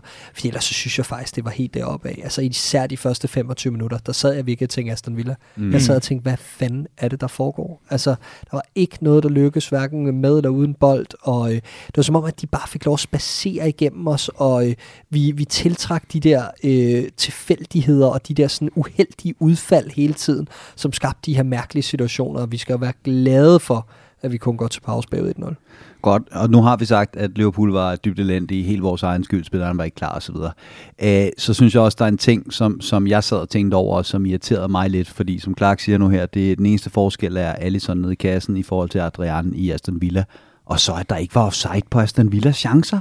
Det provokerede mig grænseløst, at de to store chancer, Aston Villa har, øh, undskyld, øh, Ja, Fulham har her, øhm, der er øh, altså der er offside på, på, på begge to, og så er reglen jo, at man lader, man lader øh, situationen køre videre, øhm, og så må VAR tage sig, tage sig af den bagefter, men at linjedommeren skal holde fladet nede, når de de her tætte offsides. Og der er to ting ved det. Et, det er et spørgsmål om tid, før nogen brækker benet, fordi der er en forsvarsspiller, der er nødt til at gøre situationen færdig, selvom at forsvars- Yes. yes. angriberen har fået en, en, en fordel. To, her, i stedet for at Liverpools bagkæde kommer ind og oplever to gange, fedt nok, offside-fælden klapper, vi står, vi har en, en, en, en, en succesoplevelse kontra den angriber, vi står overfor lige nu, så får Fulham jo selvtillid af at, at, at komme frem til de her afslutninger på, øh, på, på Allison. Og det, så det er, ikke, det er ikke for at give, altså, lave undskyldninger på Liverpools vejen, for det var, det var skidt, men det irriterede mig grænseløst. Mm. øh, men det, det, det irriterede også mig, at, at der ikke bliver dømt frispark på Mohamed Salah i den situation. Yeah. Dommeren står to meter fra situationen. Der er to hænder i ryggen. Altså, kom nu. Vi tjekker efter for millimeterkendelser og Mm. øh, hårstrå og armhuler og det ene og det andet, og så står der en, en, en spiller helt klodset og skubber en anden mand med to, to hænder strakt i ryggen. altså, så, så begynder det sgu at blive lidt patetisk, synes jeg. Ja, fordi det, det taler jo også lidt ind Den i... bliver ikke engang tjekket jo. Altså, Nej, det er jo det. Og jeg ved godt, Riese, så siger du, der sidder en masse inde i rummet og sådan, men der bliver ikke givet udtryk for, at den her kendelse bliver kigget så nøje igennem. Men, men det er jo så også det, der er, er, er hele, øh, hvad kan man sige, fortællingen også lidt om, om den her uge. Altså, vi har øh, et par varekendelser i, i Midtjylland. Det er Minaminos scoring, der bliver annulleret, og det er straffesparket, som Keller begår mod FC Midtjylland, og det trækker enormt lang tid ud. I går, der har man så en kendelse, hvor man er i tvivl om, hvorvidt at øh, Fabinho begår straffespark øh, ned på øh, det, der hedder mållinjen, har jeg engang fået fortalt. Det hedder ikke baglinjen. Mållinjen. Bliver der begået et muligt straffespark, det bliver kigget igennem. Der er ikke dømt straffe. Men noget, der er så clear and obvious, må man jo så sige, som at blive skubbet i ryggen, uanset om det er hårdt eller ej, det må så blive ignoreret et eller andet sted. Riese, jeg, jeg er forvirret på et højere plan, og det kommer jeg også til at skrive til dig i går. Jeg ved ikke, hvad jeg skal tænke om noget. Nej, nej, så er den Minamino i, i Midtjylland er fuldstændig tåbelig, fordi der er det ikke engang offside, det er et spørgsmål om hænder på bolden, og det er den her diskussion, vi har haft tusind gange med, efter den nye hånd på bolden regel, hvor angriberne ikke må, eller den angribende hold ikke må ikke engang uforsætteligt have hånden på bolden. Så har vi den her situation, hvor en bold bliver hættet ned på to hænder, som er i fuldstændig samme position. For den ene spiller er det uforsætteligt, og den anden spiller er der frispark. Øh, det, det, det bliver bare mere og mere og mere noget, noget rod. Ikke? Øh, jeg sad også og tænkte der, fordi det ligner, at der er offside i Midtjylland. Det finder jeg så ud af bagefter, at der ikke er på, øh, mm. på, på straffesparket. Ikke? Øh, men, men for fanden. Altså, det, det, det, jeg, jeg, jeg, jeg, jeg, synes, det er meget, meget, meget forvirrende med, med, med de her varekendelser lige nu, og, og gennemskueligheden er minimal, ikke? Jo, og lige omkring det her med frisparken, der bliver det jo sådan en synsning. Altså, ja. vi, vi kommer aldrig til den, til den 100% korrekte dom, fordi du kan sige, at du synes måske ikke, der er lige så stort frispark, som jeg synes, og en, den ene dommer vil sige det ene, og den anden vil det andet. Øh, men den mindede mig meget om den, vi så på Origi sidste år på Old Trafford, mm. øh, hvor, oh. jeg, hvor jeg synes, at det er bare et frispark. Altså, nothing less, nothing more. Der er bare frispark. Altså det, jeg, jeg tror, jeg er, den, jeg er i den helt hårde ende her i forhold til, om der er frispark der eller ej. Det er jeg ikke sikker på, jeg synes, der er. Men det er for så vidt ligegyldigt. Det, der er i den, det er øh, det her med clear and obvious, som mm. vi har været inde på før, at den måde, man bruger clear and obvious, som på papiret er en skide god idé. Øh, altså, at man ikke skal ind og, og, og, og omdømme øh, dommerens kendelse osv. Men der sker bare det, at der findes 50-50 domme i fodbold, og så findes der 99-1 domme. Altså, der findes sådan en som den der, hvor man, der er måske 99 dommer ville dømme frispark. En dommer ville ikke. Og så sidder man ude i varerummet og tænker, ifølge en eller anden filosofisk fortolkning af en underparagraf til en underregel, mm. så kan man godt forsvare, at der ikke er frispark der. Ergo skal vi ikke fortælle dommeren, at han har taget fejl. Øh, mens at hvis han løb ud og så den på skærmen igen, så ville han skulle nok dømme det, øh, det frispark. Ikke? Og det er det, man får med clear and obvious. Og det er det, der irriterer mig grænseløst ved var, det er, at mange af tingene giver fin mening, men altså intentionerne kigger for herre på, vi andre med forholde os til konsekvenserne, og konsekvenserne af var indtil videre er virkelig ikke gode. Nej, det er de ikke, og øh, det må jeg jo så bare sige øh, helt subjektivt herfra. Og det er også interessant, synes jeg, at det var ugen, altså, hvor Jürgen Klopp efterfølgende var ude at sige, det kan altså godt være min, hvad kan man sige, tillid og min opbakning til VAR, den er væk nu. Altså, han, han har godt kunne se det. Det var så efter Midtjylland-kampen, og efter i går må han jo også sidde og tænke, hvad er det her for et system? Det var fandme og også nogle lange spidstår i Midtjylland, det var fandme koldt, det må I vide. Ja. Uh, hold nu op, der var, øh, der var ikke meget blod tilbage i benene, eller, eller nogen som helst andre steder. Man var iskold efterfølgende det, der er interessant for mig, Clark, det er, jeg synes jo ikke, at det, her, det er noget nyt. At Liverpool har så famlende øh, og, og vanvittigt lavt et bundniveau fra starten af et opgør. Og jeg synes efterhånden også, at man kan se nogle tendenser i forhold til, når vi så har de her off-days, at Jürgen Klopp må stå og svinge med armene, apropos lillebror, men øh, det er dog uden storbror, der står til at holde tilbage. Jürgen Klopp er rasende og prøver at få banket noget gang i spillerne her. Vi starter jo på jamen, nærmest i bakgear, i stedet for i første, anden eller tredje gear, hvad ved jeg. Det er jo fuldstændig problematisk i forhold til at få skabt en rytme i et opgør i går. Ja, men det, jeg, jeg synes ikke, det er så uforståeligt igen, at vi uh, rammer de her, uh, de her off-days. Det der, det, der er lidt bekymrende, er, at bunden falder ligesom ud, når det er, lader det til. Altså, det lader til, mm. at der bare er åben motorvej ned igennem. Når først du har brudt igennem det første lag is, jamen så er der bare, altså så, så er det virkelig nemt at ryste det her Liverpool-hold, lader det til. Især på udebane har det været et problem. Uh, vi har efterhånden lidt et kompleks. Mm. Altså, uh, det synes jeg godt, man kan tale om, når ikke vi har vundet i ligaen på udebane siden 20. september. Uh, anden spillerunde øh, hvor vi vinder over et Chelsea-hold med 10 mand. Øhm, det er den eneste udsejr, vi har i, i, i den her sæson i Premier League, og, øh, og man kan så sige, så bliver vi snydt for en i, øh, i, på Goodison Park, og, og mm. der er lidt af værd at tage Øh, men faktum er bare, at vi efterhånden har leveret nogle ret sløve præstationer på udebane den sidste måned eller halvanden. Og øh, man kan sige, i forhold til det her med bundniveauet, og grund til, at det ikke rigtig ryster mig, det er jo, når vi har så mange skader, som vi har, og vi skal se så meget udskiftning konstant, så må rytmen også ryge på et tidspunkt. Og vi, øh, jeg tror, vi jeg tror, vi bryster os selv rigtig meget af, at den her Anfield-rekord, den skal bestå. Så jeg tror, der ligger rigtig meget energi i at præstere på hjemmebane. Der har vi kun haft et udfald, og det var mod Atalanta. Øhm, og så er det som om, at man giver mere plads til, at det kan ske away from home. Ikke at det gør det mere acceptabelt eller noget, men jeg tror, at det er meget, det er meget der forklaringen ligger. Øhm, jeg, jeg, jeg, jeg vil bare sige, at vi, vi har overpræsteret i kæmpe grad i forhold til, hvad vi har af ressourcer til rådighed. Altså, det er jo det, man hele tiden glemmer, at, at, at vi presser citronen så sindssygt. Altså, prøv at kigge på vores skadesliste. Nu kan du så tilføje Keita og Timikas mm. og Shota til den mm. også. Matip også. Det var fire skader på en uge. Oven i alt det, vi havde i forvejen. Øhm, og vi spiller så ofte, som vi gør. Der bliver trukket kæmpe veksler på en, en række unge drenge, som vi også har snakket om i Copcast flere gange, som vi bare nu tager for givet, spiller fast for Liverpool. Curtis Jones for eksempel, som vi snakkede om i sidste uge, ligner en spiller, der spiller en anden under kamp for Liverpool, men det har han ikke. Og øh, for ham er det stadig nyt, og det er stadig et kæmpe ansvar at skulle have hængende på sine skuldre. Ja, og så må jeg så stadigvæk bare lige prøve at referere til, for lige at på, på pointen på, tilbage, fordi jeg, jeg kan jo godt forstå skadeskriser, det tror jeg, der er rigtig mm. mange, der kan. Vi tror også, jeg tror også, der er rigtig mange, der kan forstå, at det ikke bliver 5-0 sejr og lutter flødeskum på lavkagen. Det, det tror jeg også, at mange er, er, er indforstået med. Men jeg tror, at der er rigtig mange, der trods alt forventer, at et forsvarende mesterhold med de spillere, der er på det holdkort den dag, det er vel kun Curtis Jones, der er undskyld langt hen ad vejen. Men de spillere, der stiller fra start, de må da have noget mere rutine. Riese, vi har talt om, at de mentale monstre kan overkomme alt. Vi, det var i hvert fald øh, fortællingen om vores europæiske successæson. Så er der fortællingen om sidste øh, sæson, den forgangne sæson, hvor vi altså bliver engelske mestre, hvor vi cruncher dem hjem, hvor vi kører på noget rutine, vi kører vores modstandere trætte osv.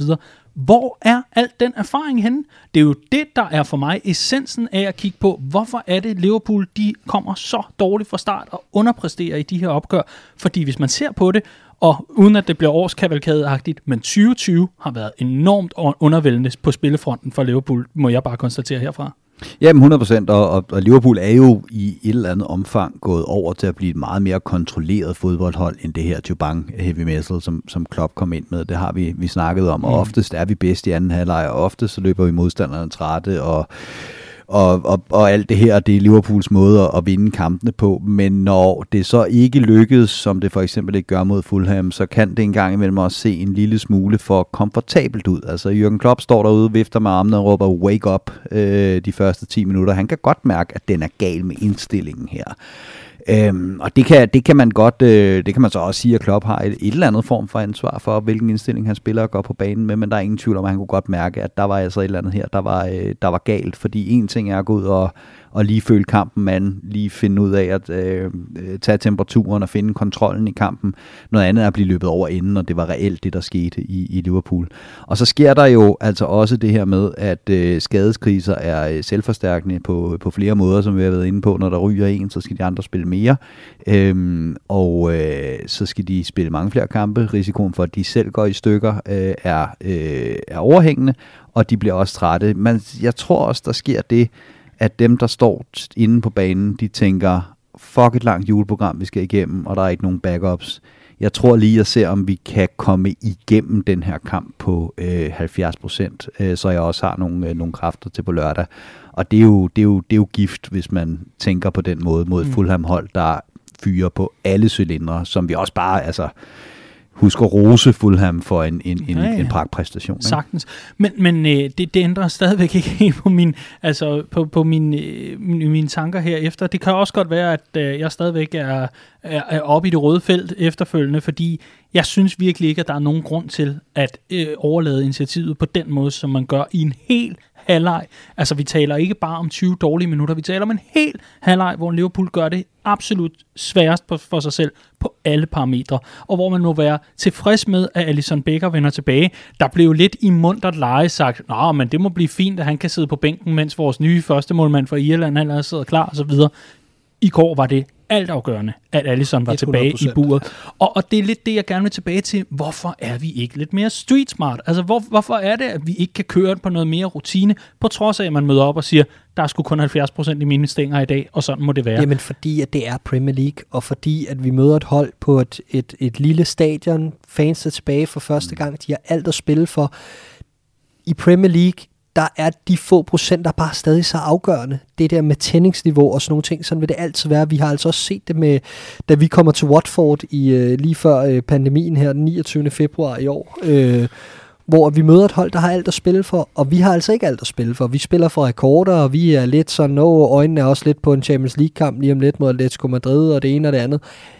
Og så er det bare, at man får fingrene i klemme nogle gange i Premier League, og sådan vil det bare være selv for de mentale monstre. Øh, og, øh, og, og det fik vi bare føle den her gang. Og jeg vil sige, på trods af, at vi er så meget efter Liverpool øh, i første halvleg, så synes jeg, at vi vågner i de sidste 10 minutter. Og derfra, fra det 35. minutter frem, der har vi en svipser. Det er den Andy Robertson-clearing i starten af anden halvleg øh, i eget felt. Ellers så begynder vi jo at overtage. Havde kampen bare 10 minutter længere, havde vi vundet 2 eller 3-1. Jamen altså, jeg, jeg har ikke så meget mere at tilføje, mens du spiser din pige, eller peber noget færdig. Men, øh, men, men jo, jo, lad mig sige, at jeg synes, der, der, der, der, der var et øjeblik, som jeg synes også fortjente en bedre skæbne, og så vi siddet og mm. snakket med nogle helt andre ord omkring det her. Det løb Curtis Jones Ja, tager præcis. øh, over 60 meter i anden halvleg. Ja, lad os komme til den. Det, det er hans næste skridt nu, ikke? Jo. Det er det her med, at nu begynder han at have forstået, hvad hans rolle er, hvad for en disciplin det kræver at spille fast på Liverpools midtbane. Og den der cockiness, som øh, Jürgen Klopp, øh, læg mærke til, når han taler om Curtis Jones, så gider han aldrig rose ham. De har et eller andet kørende, fordi ja, ja, ja, det kan han ikke tage. Han har rigeligt med selvtid og sådan nogle ting. Men nu skal han stille og roligt begynde at finde balancen i det der med at være en disciplinær, eller disciplineret spiller, og så ture at være cocky på de rigtige tidspunkter. Og det her var et perfekt eksempel. Havde afslutningen siddet, der så havde det været sådan et mål, hvor vi sagde, der var gennembruddet for Curtis Jones. Så var han gået ind, prøv at tænk, i Liverpools historiebøger, sammen med folk som Steven Gerrard og James Milner, der afgør kampene til sidst på Craven Cottage. Ikke? Men to sekunder, så, så kan du gøre det langt og, og fedt, mens man kan få tykket af munden. Men lige før, der havde brug for det, der gjorde du det kort. Dejligt. Ja. Det er derfor, vi ikke har mad i studiet, når vi optager normalt. Vi har allerede taget, øh, taget øh, ja, hul på julegodterne inden julespecial. Riese, Curtis Jones er vel en af de eneste positive at tage med for det her opgør. Ja, det synes jeg, og, øh, og det er jo den spiller, vi har øh, sukket efter på den her Liverpool midtbane. Øh, Jeg skrev en, en, en kommentar før kampen, øh, hvor jeg øh, jinxede hans karriere fuldstændig Ja. øh, ved at udråbe ham dem. til det næste varmebrød, og jeg er derfor også ret glad for, at han gjorde det godt i den her kamp. Ikke? Øh, nej, men, men, men den her spiller, hvor vi hele tiden for eksempel har set en Naby Keita, vi vil godt have en, der kan drive bolden frem, en, der kan lave det her ekstra offensiv input fra centrale øh, områder, når vores fløjspil bliver lukket ned. Men de skal død og pine også kunne lægge det robrødsarbejde, som vi forventer af vores tre midtbanespillere i det her setup. Og Dirk Curtis Jones, det er det, jeg har været allermest imponeret af, det er, efter han satte sig igennem på den midtbane mod Atalanta, der har han ikke kigget sig tilbage. Der har han lavet robrødsarbejdet, som man også gør i den her kamp. Og nu begynder der så også at komme de her øh, offensive momenter. Man kunne se det mod Ajax, hvor meget det betød for ham at få hul på den her målbyld øh, for Liverpools første hold i, i, i, i en betydende kamp. Øhm, og man ser så det her løb, han, øh, han laver her. Øhm, jeg, jeg synes, der, der er sådan lidt det her med, øhm, han spiller bolden på nogle mærkelige tidspunkter. Det er ikke fordi, han spiller en perfekt kamp, Curtis Jones. Overhovedet ikke. Øh, det ligner ikke helt, at medspillerne er med på, hvornår han slipper bolden. Jeg er heller ikke sikker på, at han selv ved det en gang imellem. Øhm, men han var for mig at se helt klart den bedste øh, markspiller på en, øh, på, på en sløjdag for Liverpool. Mm. Han og Alison Becker er også de to, der er altså øh, kæmpede om at rive Man of the Match-titlen øh, efter kampen. Vi har jo altid vores afstemning som en øh, del af slut opdateringen inde på vores Facebook-side, og der var det altså de to i, øh, i, i stærk øh, kapløb mod hinanden. I sidder og kæmper om mikrofonerne og girlanden her. Hvad er det for noget? Øh, Det er Clark, der har spændt girlander ud over mikrofonstativerne, øh, men gjort det så smart, så når jeg hiver Sådan. min mikrofon til dig på munden, så ryger hans øh, væk. Det er, det er ret genialt. Ja, det er helt fint, og jeg har sådan en hundesnor, hvor jeg kan hive jer til, hive jer til mig, hvis det er her. Ej, hvor er det godt. Vi øh, er nået dertil, hvor vi øh, lige bliver nødt til at, at, at se nærmere på øh, ja, generelt Liverpool i forhold til det juleprogram, der kommer og så videre, og vi, vi kommer til at lave en generel optag senere, men det, der er lidt interessant for mig, det er, hvordan undgår vi flere af de her kampe for resten af 2020? Forstået på den måde, hvordan undgår vi, at Jürgen Klopp han skal stå og bede sine spillere om at vågne op? Er det en espresso-maskine, der skal installeres et eller andet sted? Hvad er det, der skal ske? Jeg er bange for, at skaden er sket. Jeg er ked af at tage den negative hat på, men jeg tror kun, det bliver mere trængekår herfra. Vores skadesliste er uendelig lang, og vi går ind i et juleprogram, som jeg synes efterhånden ser lidt tricky ud. Øhm, jeg tror, vi har brug for den der succesoplevelse på udebane. Det kan være vendepunktet. Øhm, men vi kommer til at trække rigtig hårdt på, øh, på nogle af de øh, få nøglespillere, der er, der er klar. Udmærket.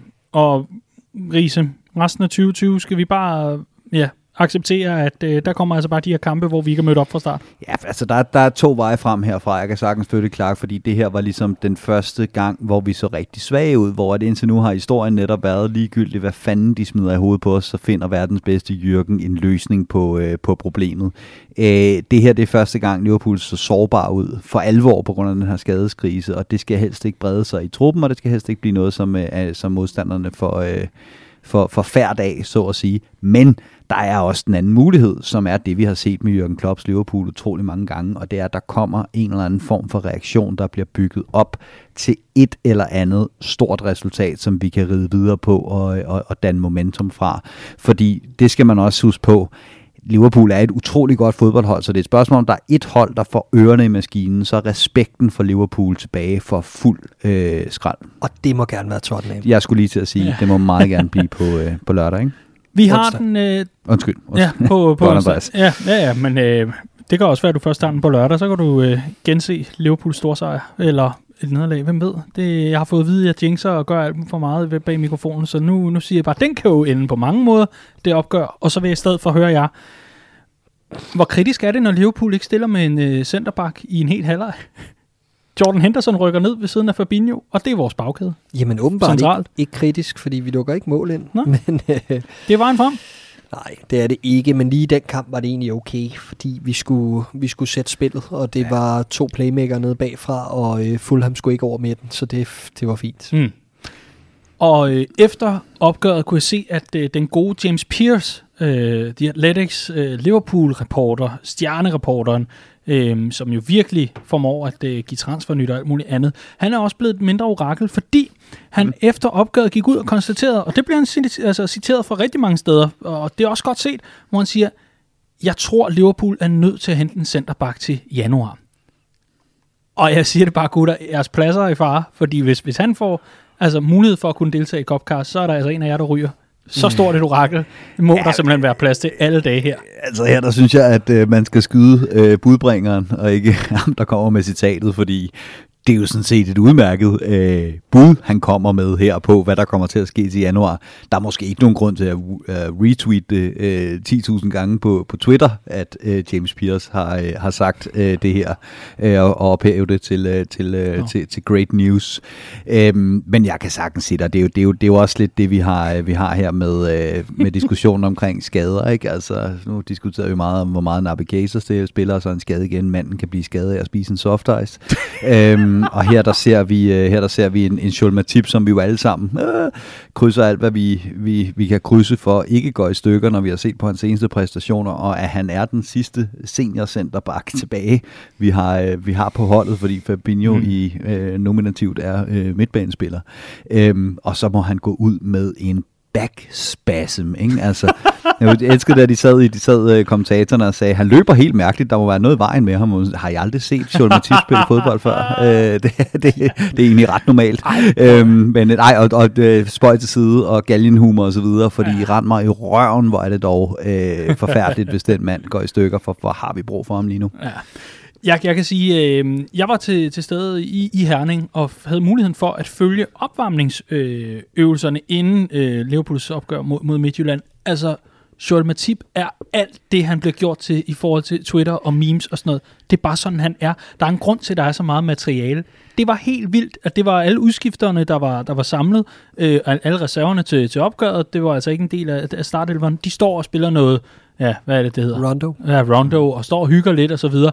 Han går, altså, han er den, der den voksne, der går helt vildt meget op i det, og prøver at få orden på tingene, og, og vælter rundt med sin store krop. Det er, det er helt vidunderligt. Han er, han er skøn. endnu en gang, øh, stor anbefaling inde på Twitter. Hvad er det, man går ind og søger efter der? No context, Joel Matip. Lige præcis. Det er et af de mest solide follows, man kan smide ind på løb på Twitter. Vi hopper direkte over til det, fordi øh, jeg kunne godt tænke mig, nu hvor vi har lavet vores sidste kampgennemgang for 2020, øh, og inden vi vender os mod Bella og Birdies og øh, en generel juleoptakt, vi skal også til at have lidt fart på på den del, så lidt status på truppen øh, har jeg skrevet ned, fordi jeg, jeg kunne godt tænke mig, at øh, når vi går ind i 2021, så er vi måske lidt klogere på, tror jeg der, hvad, hvad der sker. Men for nuværende, så er der nogle spillere, som jeg har sat nogle plusser og nogle minuser ved. Og så kan I jo måske forklare mig, hvad, øh, om jeg er helt galt afmarcheret og komme med jeres bud på, hvad, hvad skal der overhovedet ske i forhold til det. På minuslisten, lad os gennemgå det, nærmest som en, en form for øh, Bella og Birdie, bare med, med status på truppen her. Der er skrevet Sheridan Sekili.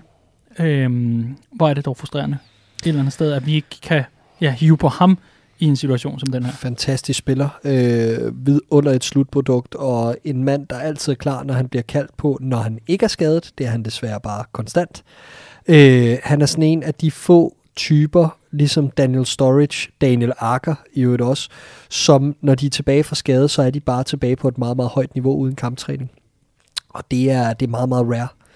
Havde han været klar øh, i 10-15 kampe mere om året, så havde han været gylden for os. Øhm, men øh, det er han ikke, og øh, han er simpelthen så meget skadet efterhånden, det lader til at blive værre, at øh, der ikke er noget at bygge på. Der er ikke nogen tillid. Udmærket. Den tog du. Så har jeg skrevet øh, Divock Origi. Øh, jamen, jeg ved, jeg ved snart ikke, hvad jeg skal sige øh, til, til den mand. Øh, det, det, det bliver værre fra gang til gang. Ikke? Øh, og og det, det er sjovt det der med, at en spiller kan komme bravende ud af, øh, ud af baghovedet, som han gjorde øh, med det 90 plus 6 mål i, i Everton eller mod Everton, for der havde vi alle sammen glemt, at han stadigvæk var Liverpool-spiller nærmest. Vi ville have solgt ham i, i, i, øh, i, mm. i sommerpausen, men det var fordi, han ikke selv ville til Wolverhampton. Øh, at han ikke på det tidspunkt allerede havde forladt Liverpool. Og så har han det der magiske Champions League run, mm-hmm. hvor det er noget med, at han har øh, seks afslutninger i Champions League i hele sin karriere og scoret seks mål eller fire, eller hvad det var. Ikke? Men I hvert fald, han, alt hvad han sparkede øh, til gik, gik ind. Og, og nu er det bare som om, at han er nået til det punkt, øh, hvor han ved godt, at han aldrig kommer på hold i Liverpool. Øh, han, han er groet fast som den her brede spiller, øh, og er, ligner ikke, at han er motiveret for at gøre en forskel, når han rent faktisk får, øh, får chancen. Det er, det er, det er decideret øh, rædderligt at se på. Kan I huske, hvornår han sidst spillede en god kamp? Nej. Mm, Jamen, jamen helt seriøst, det Nej, kan jeg ikke men huske. det Jamen, det, men det er, ikke, det, er ikke, det er ikke i 2020. Det tror jeg ikke. Nej, det tror jeg heller ikke, vi er ude på. Man må gerne byde ind. Vi tjekker først mailen Jamen, 21. jeg, jeg, jeg, et, et kvalificeret bud vil være Everton i FA Cup'en i januar, øh, altså i starten af Ja, hvor han faktisk gik ind som en af de modne og voksne. Og, Og spiller til et syvtal, Ja, præcis. Så, jo, men, men jeg kan nemlig huske, fordi vi, når vi snakker om det der med en, Så en, en om rutineret i hver kæde, så var han den rutinerede. Mm. Han, man kunne spille den op på ham, han kunne tage den Præcis. til sig, han satte de andre op, han gik forrest. Det er 11 måneder siden. Ja, jamen det er, det, det, der, der, der er sket et eller andet med ham, og det, jeg tror ikke, det bliver godt igen. Så har jeg skrevet øh, Naby Keita.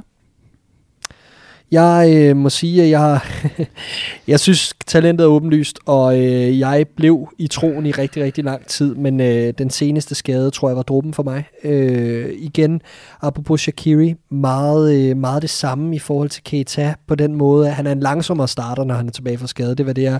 Men han øh, er simpelthen ikke, øh, der er ikke nogen tillid til ham fra, øh, fra min eller nogen andre fans side, tror jeg efterhånden, øh, til at vi kan regne med ham og bygge noget op omkring ham, og det er et problem. Øh, jeg tror, at mit håb ligger lidt i, at hvis vi vælger at gå efter en af de her øh, Bundesliga-spillere, eller Leipzig-drenge mere, øh, mere sådan målrettet, mm. at man kan inkludere min byttehandel af en eller anden art, for ellers så tror jeg, det bliver rigtig, rigtig svært at få et fornuftigt afkast for en spiller, som man gav øh, 53 millioner pund for. Det ligner helt uden sidestykke Jürgen Klopps største fejlkøb i, øh, i Liverpool. Øhm, og det er jo sindssygt at sige, når man kigger på spilleren, fordi han er pissegod, øh, og der er masser at bygge på.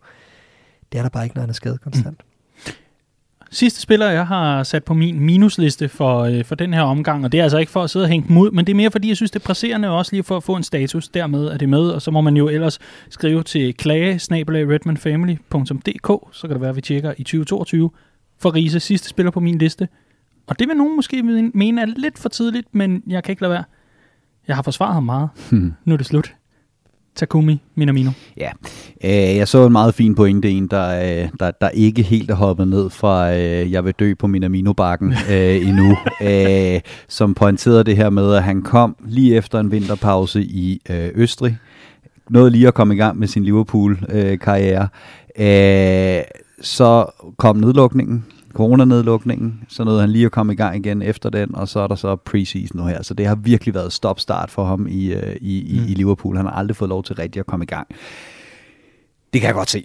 Øh, og jeg, jeg, jeg er ikke deroppe, hvor jeg er villig til at smide ham under bussen endnu, men, men, men, ja, men jeg, er ikke, jeg er der ikke helt, øh, må, øh, må jeg indrømme. Jeg har det lidt med, med Minamino, som jeg har det med Shaqiri. Det var en low-risk signing øh, til få penge, mm. som vi aldrig kommer til at tabe. Vi kan altid sælge Shaqiri for mindst 13, vi kan altid sælge øh, Minamino for mindst 7 igen. Øh, Shaqiri har så det her med, at han, når han er klar og, øh, og, og, og, og i topform, så kommer han med de her gyldne momenter, som han altid har gjort, og som vi også har fået. Men han har altid været skadespladet, og han har altid været dræn i presspillet. Og vi har fået præcis, hvad vi betalte for. Og det har vi også bare med Minamino. Vi har fået en 7 millioner pund øh, dyr spiller fra den østriske liga, som ser alt for let ud i øh, Premier League, og hvor det ser ud som om, at skridtet op til at spille på det niveau simpelthen har, øh, har været for stort. Og han ligner lige i øjeblikket ikke en, der selv ved, hvordan han skal vende det igen. Jeg lagde mærke til det i Fulham-kampen. Det giver fin mening, det han gør, når han ligger og søger ud og prøver på at optage en position, hvor han kan spille den rundt om deres midtbane. Men han tør ikke, når det så kommer stykket. Så, så bliver den bare smidt sidelands ind til, øh, til Gini Wijnaldum endnu, eller igen. Og han ligner bare en spiller, der tænker, hvad fanden laver jeg her? Jeg må hellere spille den ting, der kan noget. Og det er det, der er, øh, der er det al, den allerstørste bekymring for, øh, for Minamino. Jeg synes, der er virkelig langt, hvis han skal blive en succes i Liverpool. Han virker som en flink fyr. Ikke? Han virker som en alt for flink fyr. Øh, og øh, og det, øh, jeg, jeg ser den der forklaring øh, som en forklaring af det her med, at øh, han kom ind lige før lockdown mm. og alt det der. Jeg ser det som en forklaring på, hvorfor det ikke virker, ikke som en forklaring på, hvorfor det kommer til at virke. Altså, og, og det, sådan er det jo bare nogle gange, og derfor virkede det ikke, kan jeg allerede høre, når vi har solgt Minamino, ikke? Øh, og og, øh, og jeg, jeg tror heller ikke på projektet, jeg synes, der er, der, der er for lang vej, og så må det bare være en rigtig nederen bakke at dø på, og tænke, at Minamino-bakken. ja, men det er bedre, det, var, det er bedre at dø på den, end på Himmelbjerget. Det er det, man på, på engelsk siger, man, uh, a hill you will die on, ikke? altså for at forsvare et bakkedrag, ja. og for mig, der ja. var det Glenn Johnson helt frem til 2015, så jeg forstår godt jer, der stadig står på Minamino-bakken. Mm. Ja, jeg, jeg må efterhånden sige, at øh, hold nu op, der skal bygges noget på, og øh, det kunne da godt være, at øh, det var et run i løbet af foråret, hvor der øh, måske er... Jeg ja. tror nærmere, det er et run nu her, er det hen over jul. Jamen det, ja. det tror jeg er hans eneste livline, det er, at nu er vi nødt til at bruge ham i, i altså for eksempel mod Fulham. Det er slet ikke meningen, at du blive så langt. Nej, nej, nej, nej men, men, men, men nu er vi der, og, og, og det, det er hans, øh, hans, hans sidste mulighed, som jeg ser det, det er, at nu her, hvor han kan blive nødt til at få noget spilletid for at aflaste nogen, så kan han overraske, for der er ikke rigtig nogen, der forventer noget. Det er et juleeventyr. Et ikke? Ligesom, juleeventyr. ligesom Origi kommer ind mod Everton. Vi har alle sammen glemt ham. Vi har afskrevet ham. Ikke? Så Pickfords korte, korte arme, og så dummer den ned for fodet af ham. Og han kan ikke andet end at score. Men han gør det. Og så rider han på den her bølge. Ikke? Altså, det var det, der skulle være sket i Midtjylland. Nu kan du mærke det. Det bliver i stedet for øh, Hugo Lloris, der står... Øh, godt stiv på fransk julegløg derinde og kikser en eller anden tæmning, og så står han der, Mina Mino, og mm. banker den ind, og så ja. går han på et run går han på et run. Ja, jeg tror ja. også på det. Yes. Hvor er det godt. Hvor på er det godt et tidspunkt stopper det run, og ja. så sælger vi ham. ja, så sælger vi ham. På plussiden har jeg ganske kort, fordi det blev lidt længere, end jeg havde regnet med det her. Men øh, Curtis Jones, Kelleher og Diogo Jota. Og i parentes har jeg skrevet, og øh, parentesen handler om, at nu har vi simpelthen reddet ham midt over Jürgen Klopp. Jeg har en til til den liste, hmm? øh, og han hedder øh, Fabinho. Øh, jeg har hele tiden sagt, at han ville øh, kunne gøre det fint nede i for, øh, midterforsvaret. Jeg hele tiden peget på den her Bayern München-kamp, hvor han tog Lewandowski i, i lommen. Men at gøre det, at gøre det så overbevisende step derned i den skadeskrise og, øh, og være forsvarsstyrmand, kæmpe plus øh, Hmm. i min bog for den. Vi lukker næsten aldrig mål ind, når han spiller i centerforsvaret. Han er ustyrlig god, og Han det er, eneste, han er fantastisk. det, der, det, det eneste, der er problemet, det er, at, at det giver så god mening at omskole ham til centerback, fordi hvis du kigger på markedet for centerbacks, det er nærmest, hvis du skal ud og købe så god en centerback som Fabinho, han er ikke til at betale for, øh, for penge. Mm. Spørgsmålet er bare, om Fabinho selv er sådan en spiller, der tænker, way, centerback, det er lige mig. Øh, han, han, er, han er gammel bak og, og tovejs midtbanespiller. Det kan godt være, at han vil have lidt, øh, lidt mere action, så det kan godt være, at han ikke synes, der er udfordring nok nærmest i at stå dernede. Men hvis Mm. han synes det, så er ham og Van Dijk fra nu af øh, som, som makkerpar øh, og indtil, øh, indtil øh, solen går ned. Det, øh, det kan jeg godt lide. Jamen, jeg er helt enig. Og for mig er han blandt de fem bedste på positionen i verden. Altså, jeg synes, han er helt vidunderlig dernede også. Og, øh, så Okay, top 5. måske endda top 3. Altså, helt seriøst, hvem er bedre? Jeg, jeg vil ikke jeg vil bare sige, altså, jeg, synes, jeg synes, han er fantastisk. Jeg synes, han er komplet. Jeg synes, han er duelstærk. Han er klog. Han er organisatorisk, som Klopp øh, mm. beskrev ham. Øh, han er god i luften. Han er aggressiv. Han er pasnings... Altså, han kan det hele. Det kan han i allerhøjeste grad. Og det kan I også. Og øh, nu vil jeg lade jer finde øh, notesbøgerne frem, for vi er nået dertil, hvor vi skal have jeres Bella og Birdies. Så er vi nået til årets sidste udgave af Bella og Birdie. Tusind tak til alle, der har været med på lejen fra starten, og alle dem, der har været med undervejs. Det er vi simpelthen så glade for. Det er et segment, der kommer til at overleve, og det har sejret af helvede til. Sikke en stor succes, og hvor er det skønt at høre med jeres input, eller få jeres input, uge efter uge her i Copcast. Tusind tak til alle, der bidrager. Vi øh, gør alvor af vores øh, trussel, var jeg lige ved at kalde det, om at øh, sende nogle kopper, nogle af de nye kopkarskopper, i nakken på alle jer, der har bidraget. Vi kommer til at trække lod blandt alle, der har bidraget. Det kan være, at du får en, øh, en lille besked i indbakken, eller et mention på Twitter eller Facebook, hvad ved jeg, om at du lige skal stikke en adresse, så vi ellers kan sende en øh, opskrift med Dr. Rises øh, dødsgløk afsted, og øh, selvfølgelig en kopkarskop. Tusind tak til alle, der har budt ind, og øh, lad os komme til det. Vi skal jo starte med Birdie, og øh, der hopper vi på Copcast Facebook, og øh, der vil jeg jo så lige sige, at øh, vi har jo julet Bella og Birdie op. Har du fået set grafikken, Riese? Ja, ja, ja. Meget flot, Daniel. Ja, ikke? Ja. Det er det grafiske departement i, i Copcast, der har smidt nogle jule, Julefugle. ja, nogle julefugle, nogle nissehuer på vores Bella. Du sidder sådan og kigger på mig, klar. Oh, men det, det var bare fordi, at jeg venter på, at du, øh, du tager uddragene for kommentarerne. Nå, der for er jo nogle højdepunkter. Jamen, det er der i allerhøjeste grad. Et par birdies, vi skal øh, fra land med. Det må øh, være en start. Henrik Holm Nissen byder ind med. Birdie vil jeg give til Klopp, hvilket selvfølgelig er vanvittigt, men forstår ikke, hvorfor så mange skulle spille i midtugen i en fuldstændig ligegyldig kamp. Hmm. Så er der øh, Henrik Hække Markusen, der byder ind med en birdie, der er Gerard Houlliers død. For mig var han begyndelsen til den moderne fodbold og Premier League. Vi havde stået i stampe alt for længe, og ikke formået at følge med tiden, hvorpå vi troede, at Shankly styder på træningsbanerne stadig kunne gøre sig gældende. Samtidig var klubben ikke gearet til moderne Premier League. Han fik genfødt os på så mange aspekter, dog var han ikke den samme efter hans hjerteoperation, og spillet på banen var ikke som et tophold i Premier League, selvom vi havde dygtige spillere og nogle af verdens bedste på deres positioner. Shankly lagde grundstenene i klubben.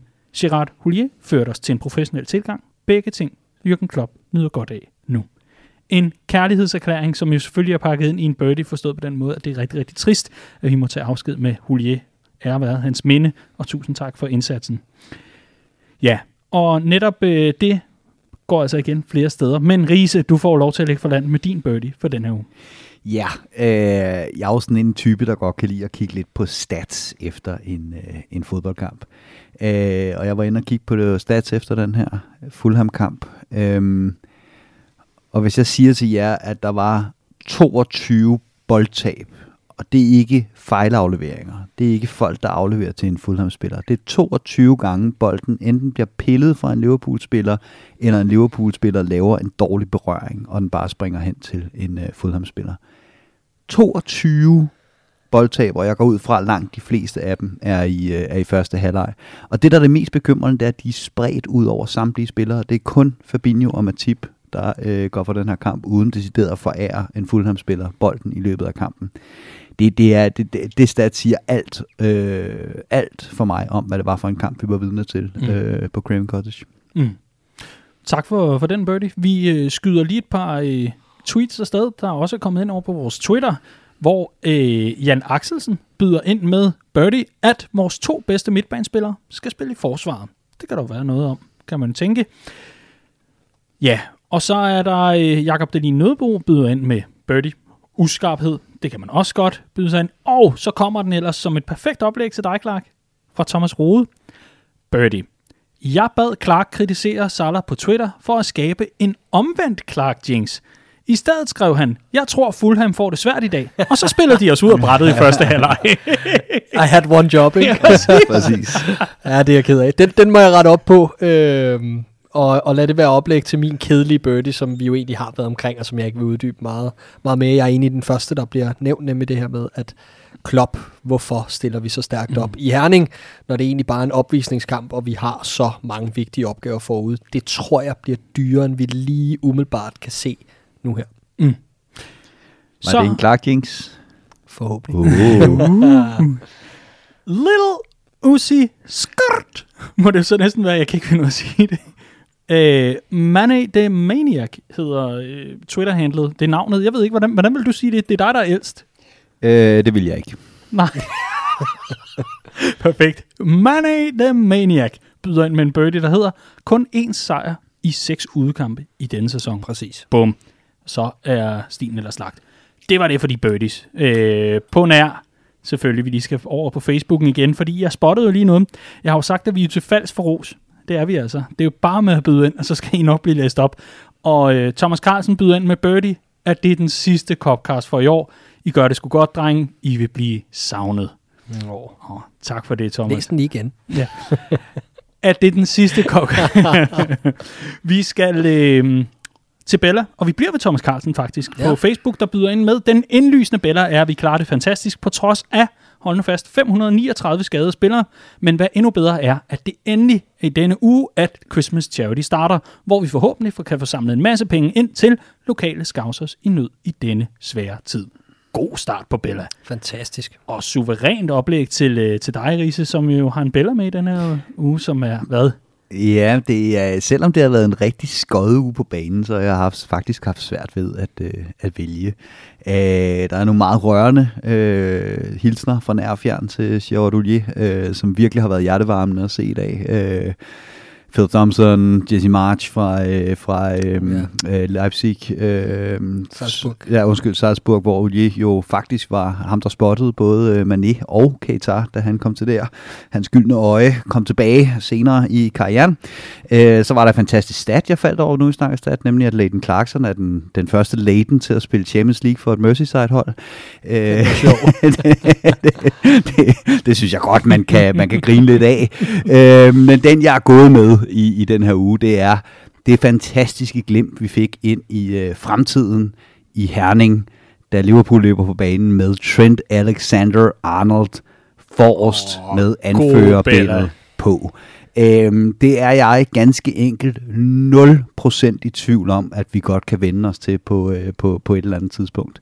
Mm. Øhm, det, var, det var bare en... Øh, det var, det, for det første var det, var det helt fortjent. Selvfølgelig skulle han være anført i den kamp, når man kiggede på, hvem der... Øh, hvem der var med på, på banen. Det var ikke engang sådan en, øh, en charity, øh, at man gav ham. Øh, så det var, det var bare, det var bare fremragende at se ham løbe rundt Mm. med, øh, med det anførbind på, også selvom han, som sagt, som jeg har været inde på, spillede en kamp på 50, hvis ikke mindre procent. del med en stærk Bella. Det må jeg, det må jeg skulle sige, Riese. Øhm, Jeg fyrer lige et par øh, Bella af. Der er tre styks, og så er det ellers din tur, Clark, for, for den her omgang. Morten Groth byder ind med Bella. Alison Becker. Han er ikke blot en smuk mand inde på stregen, men hold nu kæft, er han også god. Frederik Kramer. En fornuftig lodtrækning i Champions League. Julen nærmer sig, og på trods af skader klarer vi det godt. Mm-hmm. Og sidste kommer fra Copcast. Kæmpe Bella til den grafiske afdeling for det julede Bella og Birdie opslag. Ej, Ja, og det må man sige, det kan man kun være enig i. Gå ind på øh, Copcast Facebook og se altså mesterligt Photoshop-arbejde. Der er også en Daniel Siglau, Ja, der erklærer- skriver helt enig, ikke? Absolut, Ja. og det kan jo kun til slut mig. det vil være underligt at tage afstand Ja. fra. Clark, hvad er din billeder i den her uge? Det er Jürgen Klopp også. Han sidder simpelthen på begge troner, og øh, det gør han, fordi at øh, Fan vi, with a microphone. vi, vi endnu en gang bare må, øh, må sige, at det her kollektiv, øh, jeg synes Thomas Carlsen er inde på det indledningsvis i sin øh, Bella, det her med, at på trods af den her sindssygt lange skadesliste, så præsterer vi altså på et, på et helt vildt flot niveau. Øh, da Virgil van Dijk øh, udgår med den her skade, og vi får øh, øh, prognosen for, øh, for, hvor længe han er ude, altså resten af sæsonen, og Thiago også sidder ude, og, og det begynder at hobe sig op. Bare dengang tilbage i oktober, der så jeg flere skrive rundt omkring, at altså, vi kommer til at være 10-15, måske 15-20 point efter 1. januar øh, i, i, i tabellen, og Champions League, åh oh, nej, og er sæsonen solgt nu? Og det var den bare ikke. Og prøv at tænke over, hvor meget værre det er blevet siden da. Altså, hvor mange skader vi har fået oven i det. En Joe Gomez, der ender sin sæson. En Diogo Jota, der nu sidder ude. Øh, vi har haft Trent Alexander-Arnold ude i fire uger. Øh, vi har haft Matip ude af flere omgange nu. Øh, altså, man kan blive ved og ved og ved. Keita, øh, Shakiri. Øh, altså, ja, vi kan blive ved. Og alligevel så sidder vi her på en del førsteplads i, øh, i Premier League med, med, med få uger til, til transfervinduet åbner. Faktisk kun to uger til. Øh, og er gået videre som etter i, i Champions League. Jeg, øh, jeg tror hurtigt, vi glemmer, øh, hvor, hvor gode, eller hvor, hvor solidt det her setup egentlig er. Øh, og øh, og det, er, det falder jo kun tilbage på en mand i sidste ende, og det er Jürgen Klopp. Der er rigtig mange, der bidrager, men det er ham, der har skabt den her kultur, som gør, at alle føler, at de kan gå ind og spille en rolle, mm. når der er brug for dem. Min Bella, fordi den kommer i den her omgang, årets sidste, så må man godt. Min Bella må absolut være alle dem, der lytter med til Copcast uge efter uge. Tusind, tusind tak, fordi I gør det. Det gør jeg simpelthen så glad. Og tak for alle de søde tilbagemeldinger, der kommer i løbet af sådan en sæson.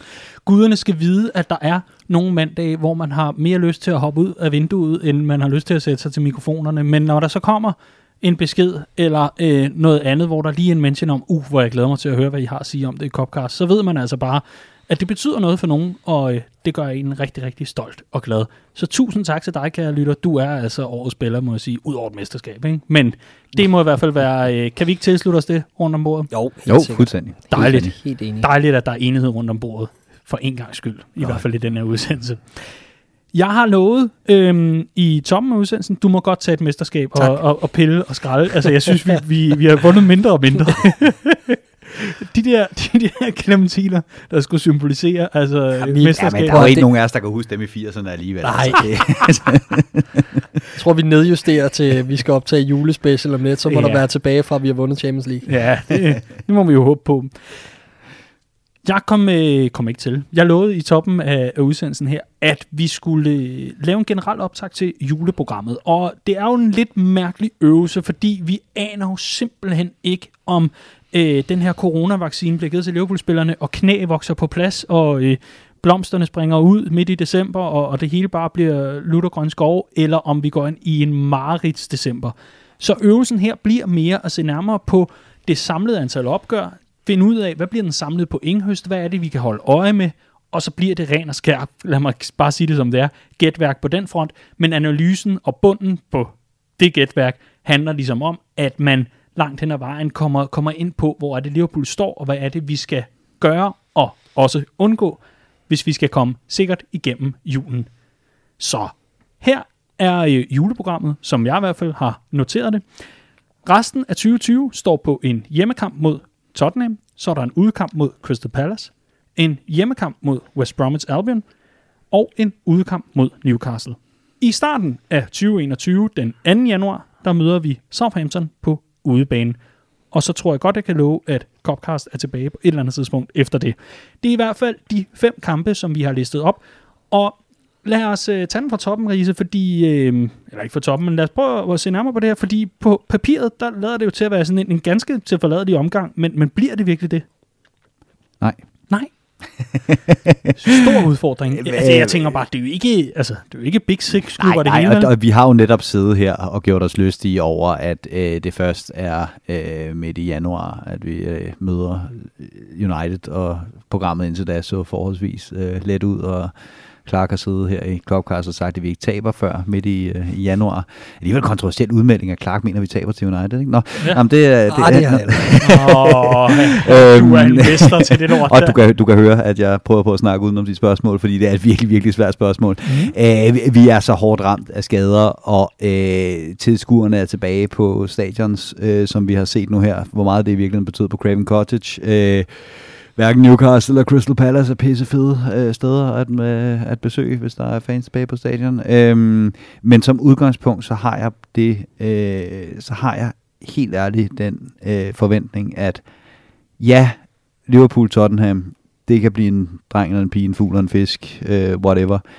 Derfra så skal der point på kontoen. Det skal der bare. Altså, og det er, øh, jeg ved godt, at Crystal Palace ser, ser fornuftigt ud spillende i øjeblikket, og West Bromwich, og vi også er uheldige i forhold til at møde nogle hold på et tidspunkt nu, hvor de egentlig har fået lidt gang i deres, øh, deres sæson. Men nej, som udgangspunkt, så, øh, så, så, øh, så mener jeg godt, man på trods af skader og så videre kan forvente, at efter Tottenham, så kommer der fire kampe, hvor øh, Liverpool sætter minimum 9 point på kontoen. Mm-hmm.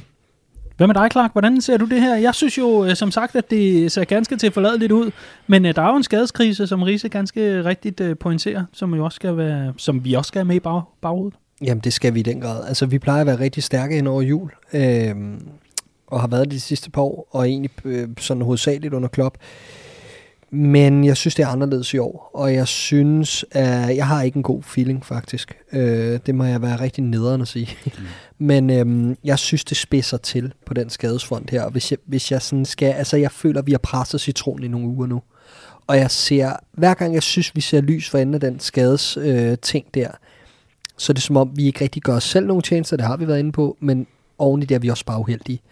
Og øh, den situation, vi står i nu, synes jeg... Øhm, puh, det er jo en rigtig skidt uge, vi er, vi er midt i nu. Meget afhænger af de her to kampe, der kommer på få dage lige om lidt. Og øh, sådan en uge skal man sgu gerne have en god start på. Altså, man skal gerne banke et søm i Fulham, og så sige, okay, så kører vi herfra.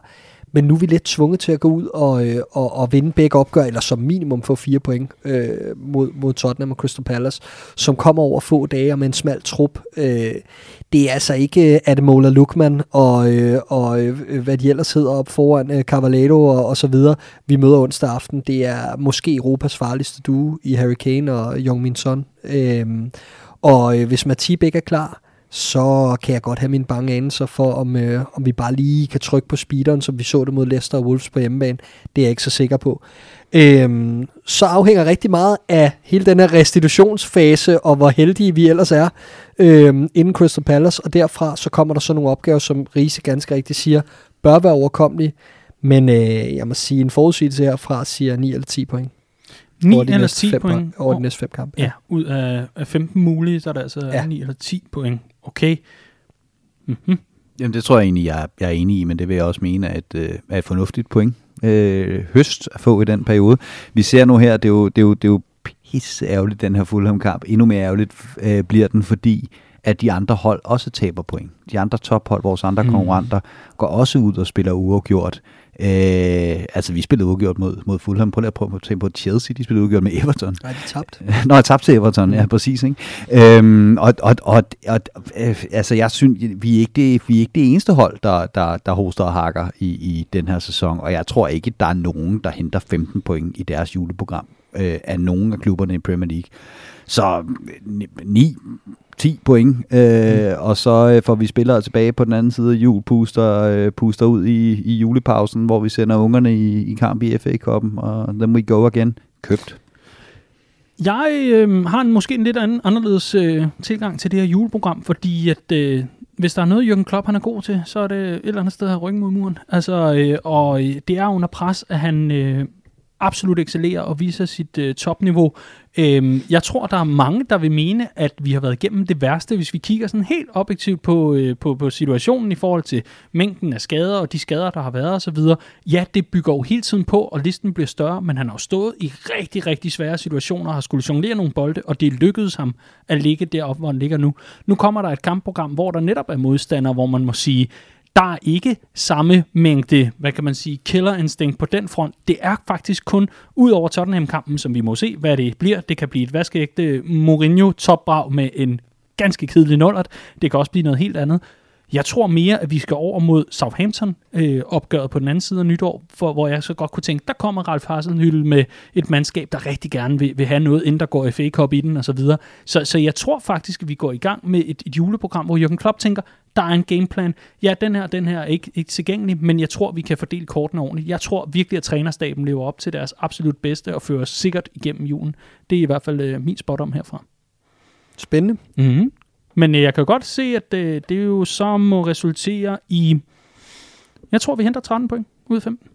Det, altså det vil da være sige formidabelt. Den er Ja. købt. Ja, ja selvfølgelig er den det, og det er jo altid øh, dejligt at sidde og være optimisten, kan man sige. Men jeg tror, fire sejre en uafgjort er ikke, øh, er ikke urealistisk. Og så må man jo så finde ud af, om det er mod Tottenham eller Southampton, at øh, det ene point, det ligesom skal sikres. Cool.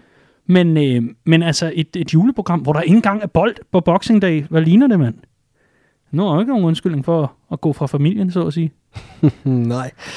Nej, den plejer ellers at være en, en ganske fin anledning efter et par lange juledage. Efter øh, et par lange og så kunne juledage. komme på poppen, men øh, det må vi altså skyde til næste år, Mm. desværre.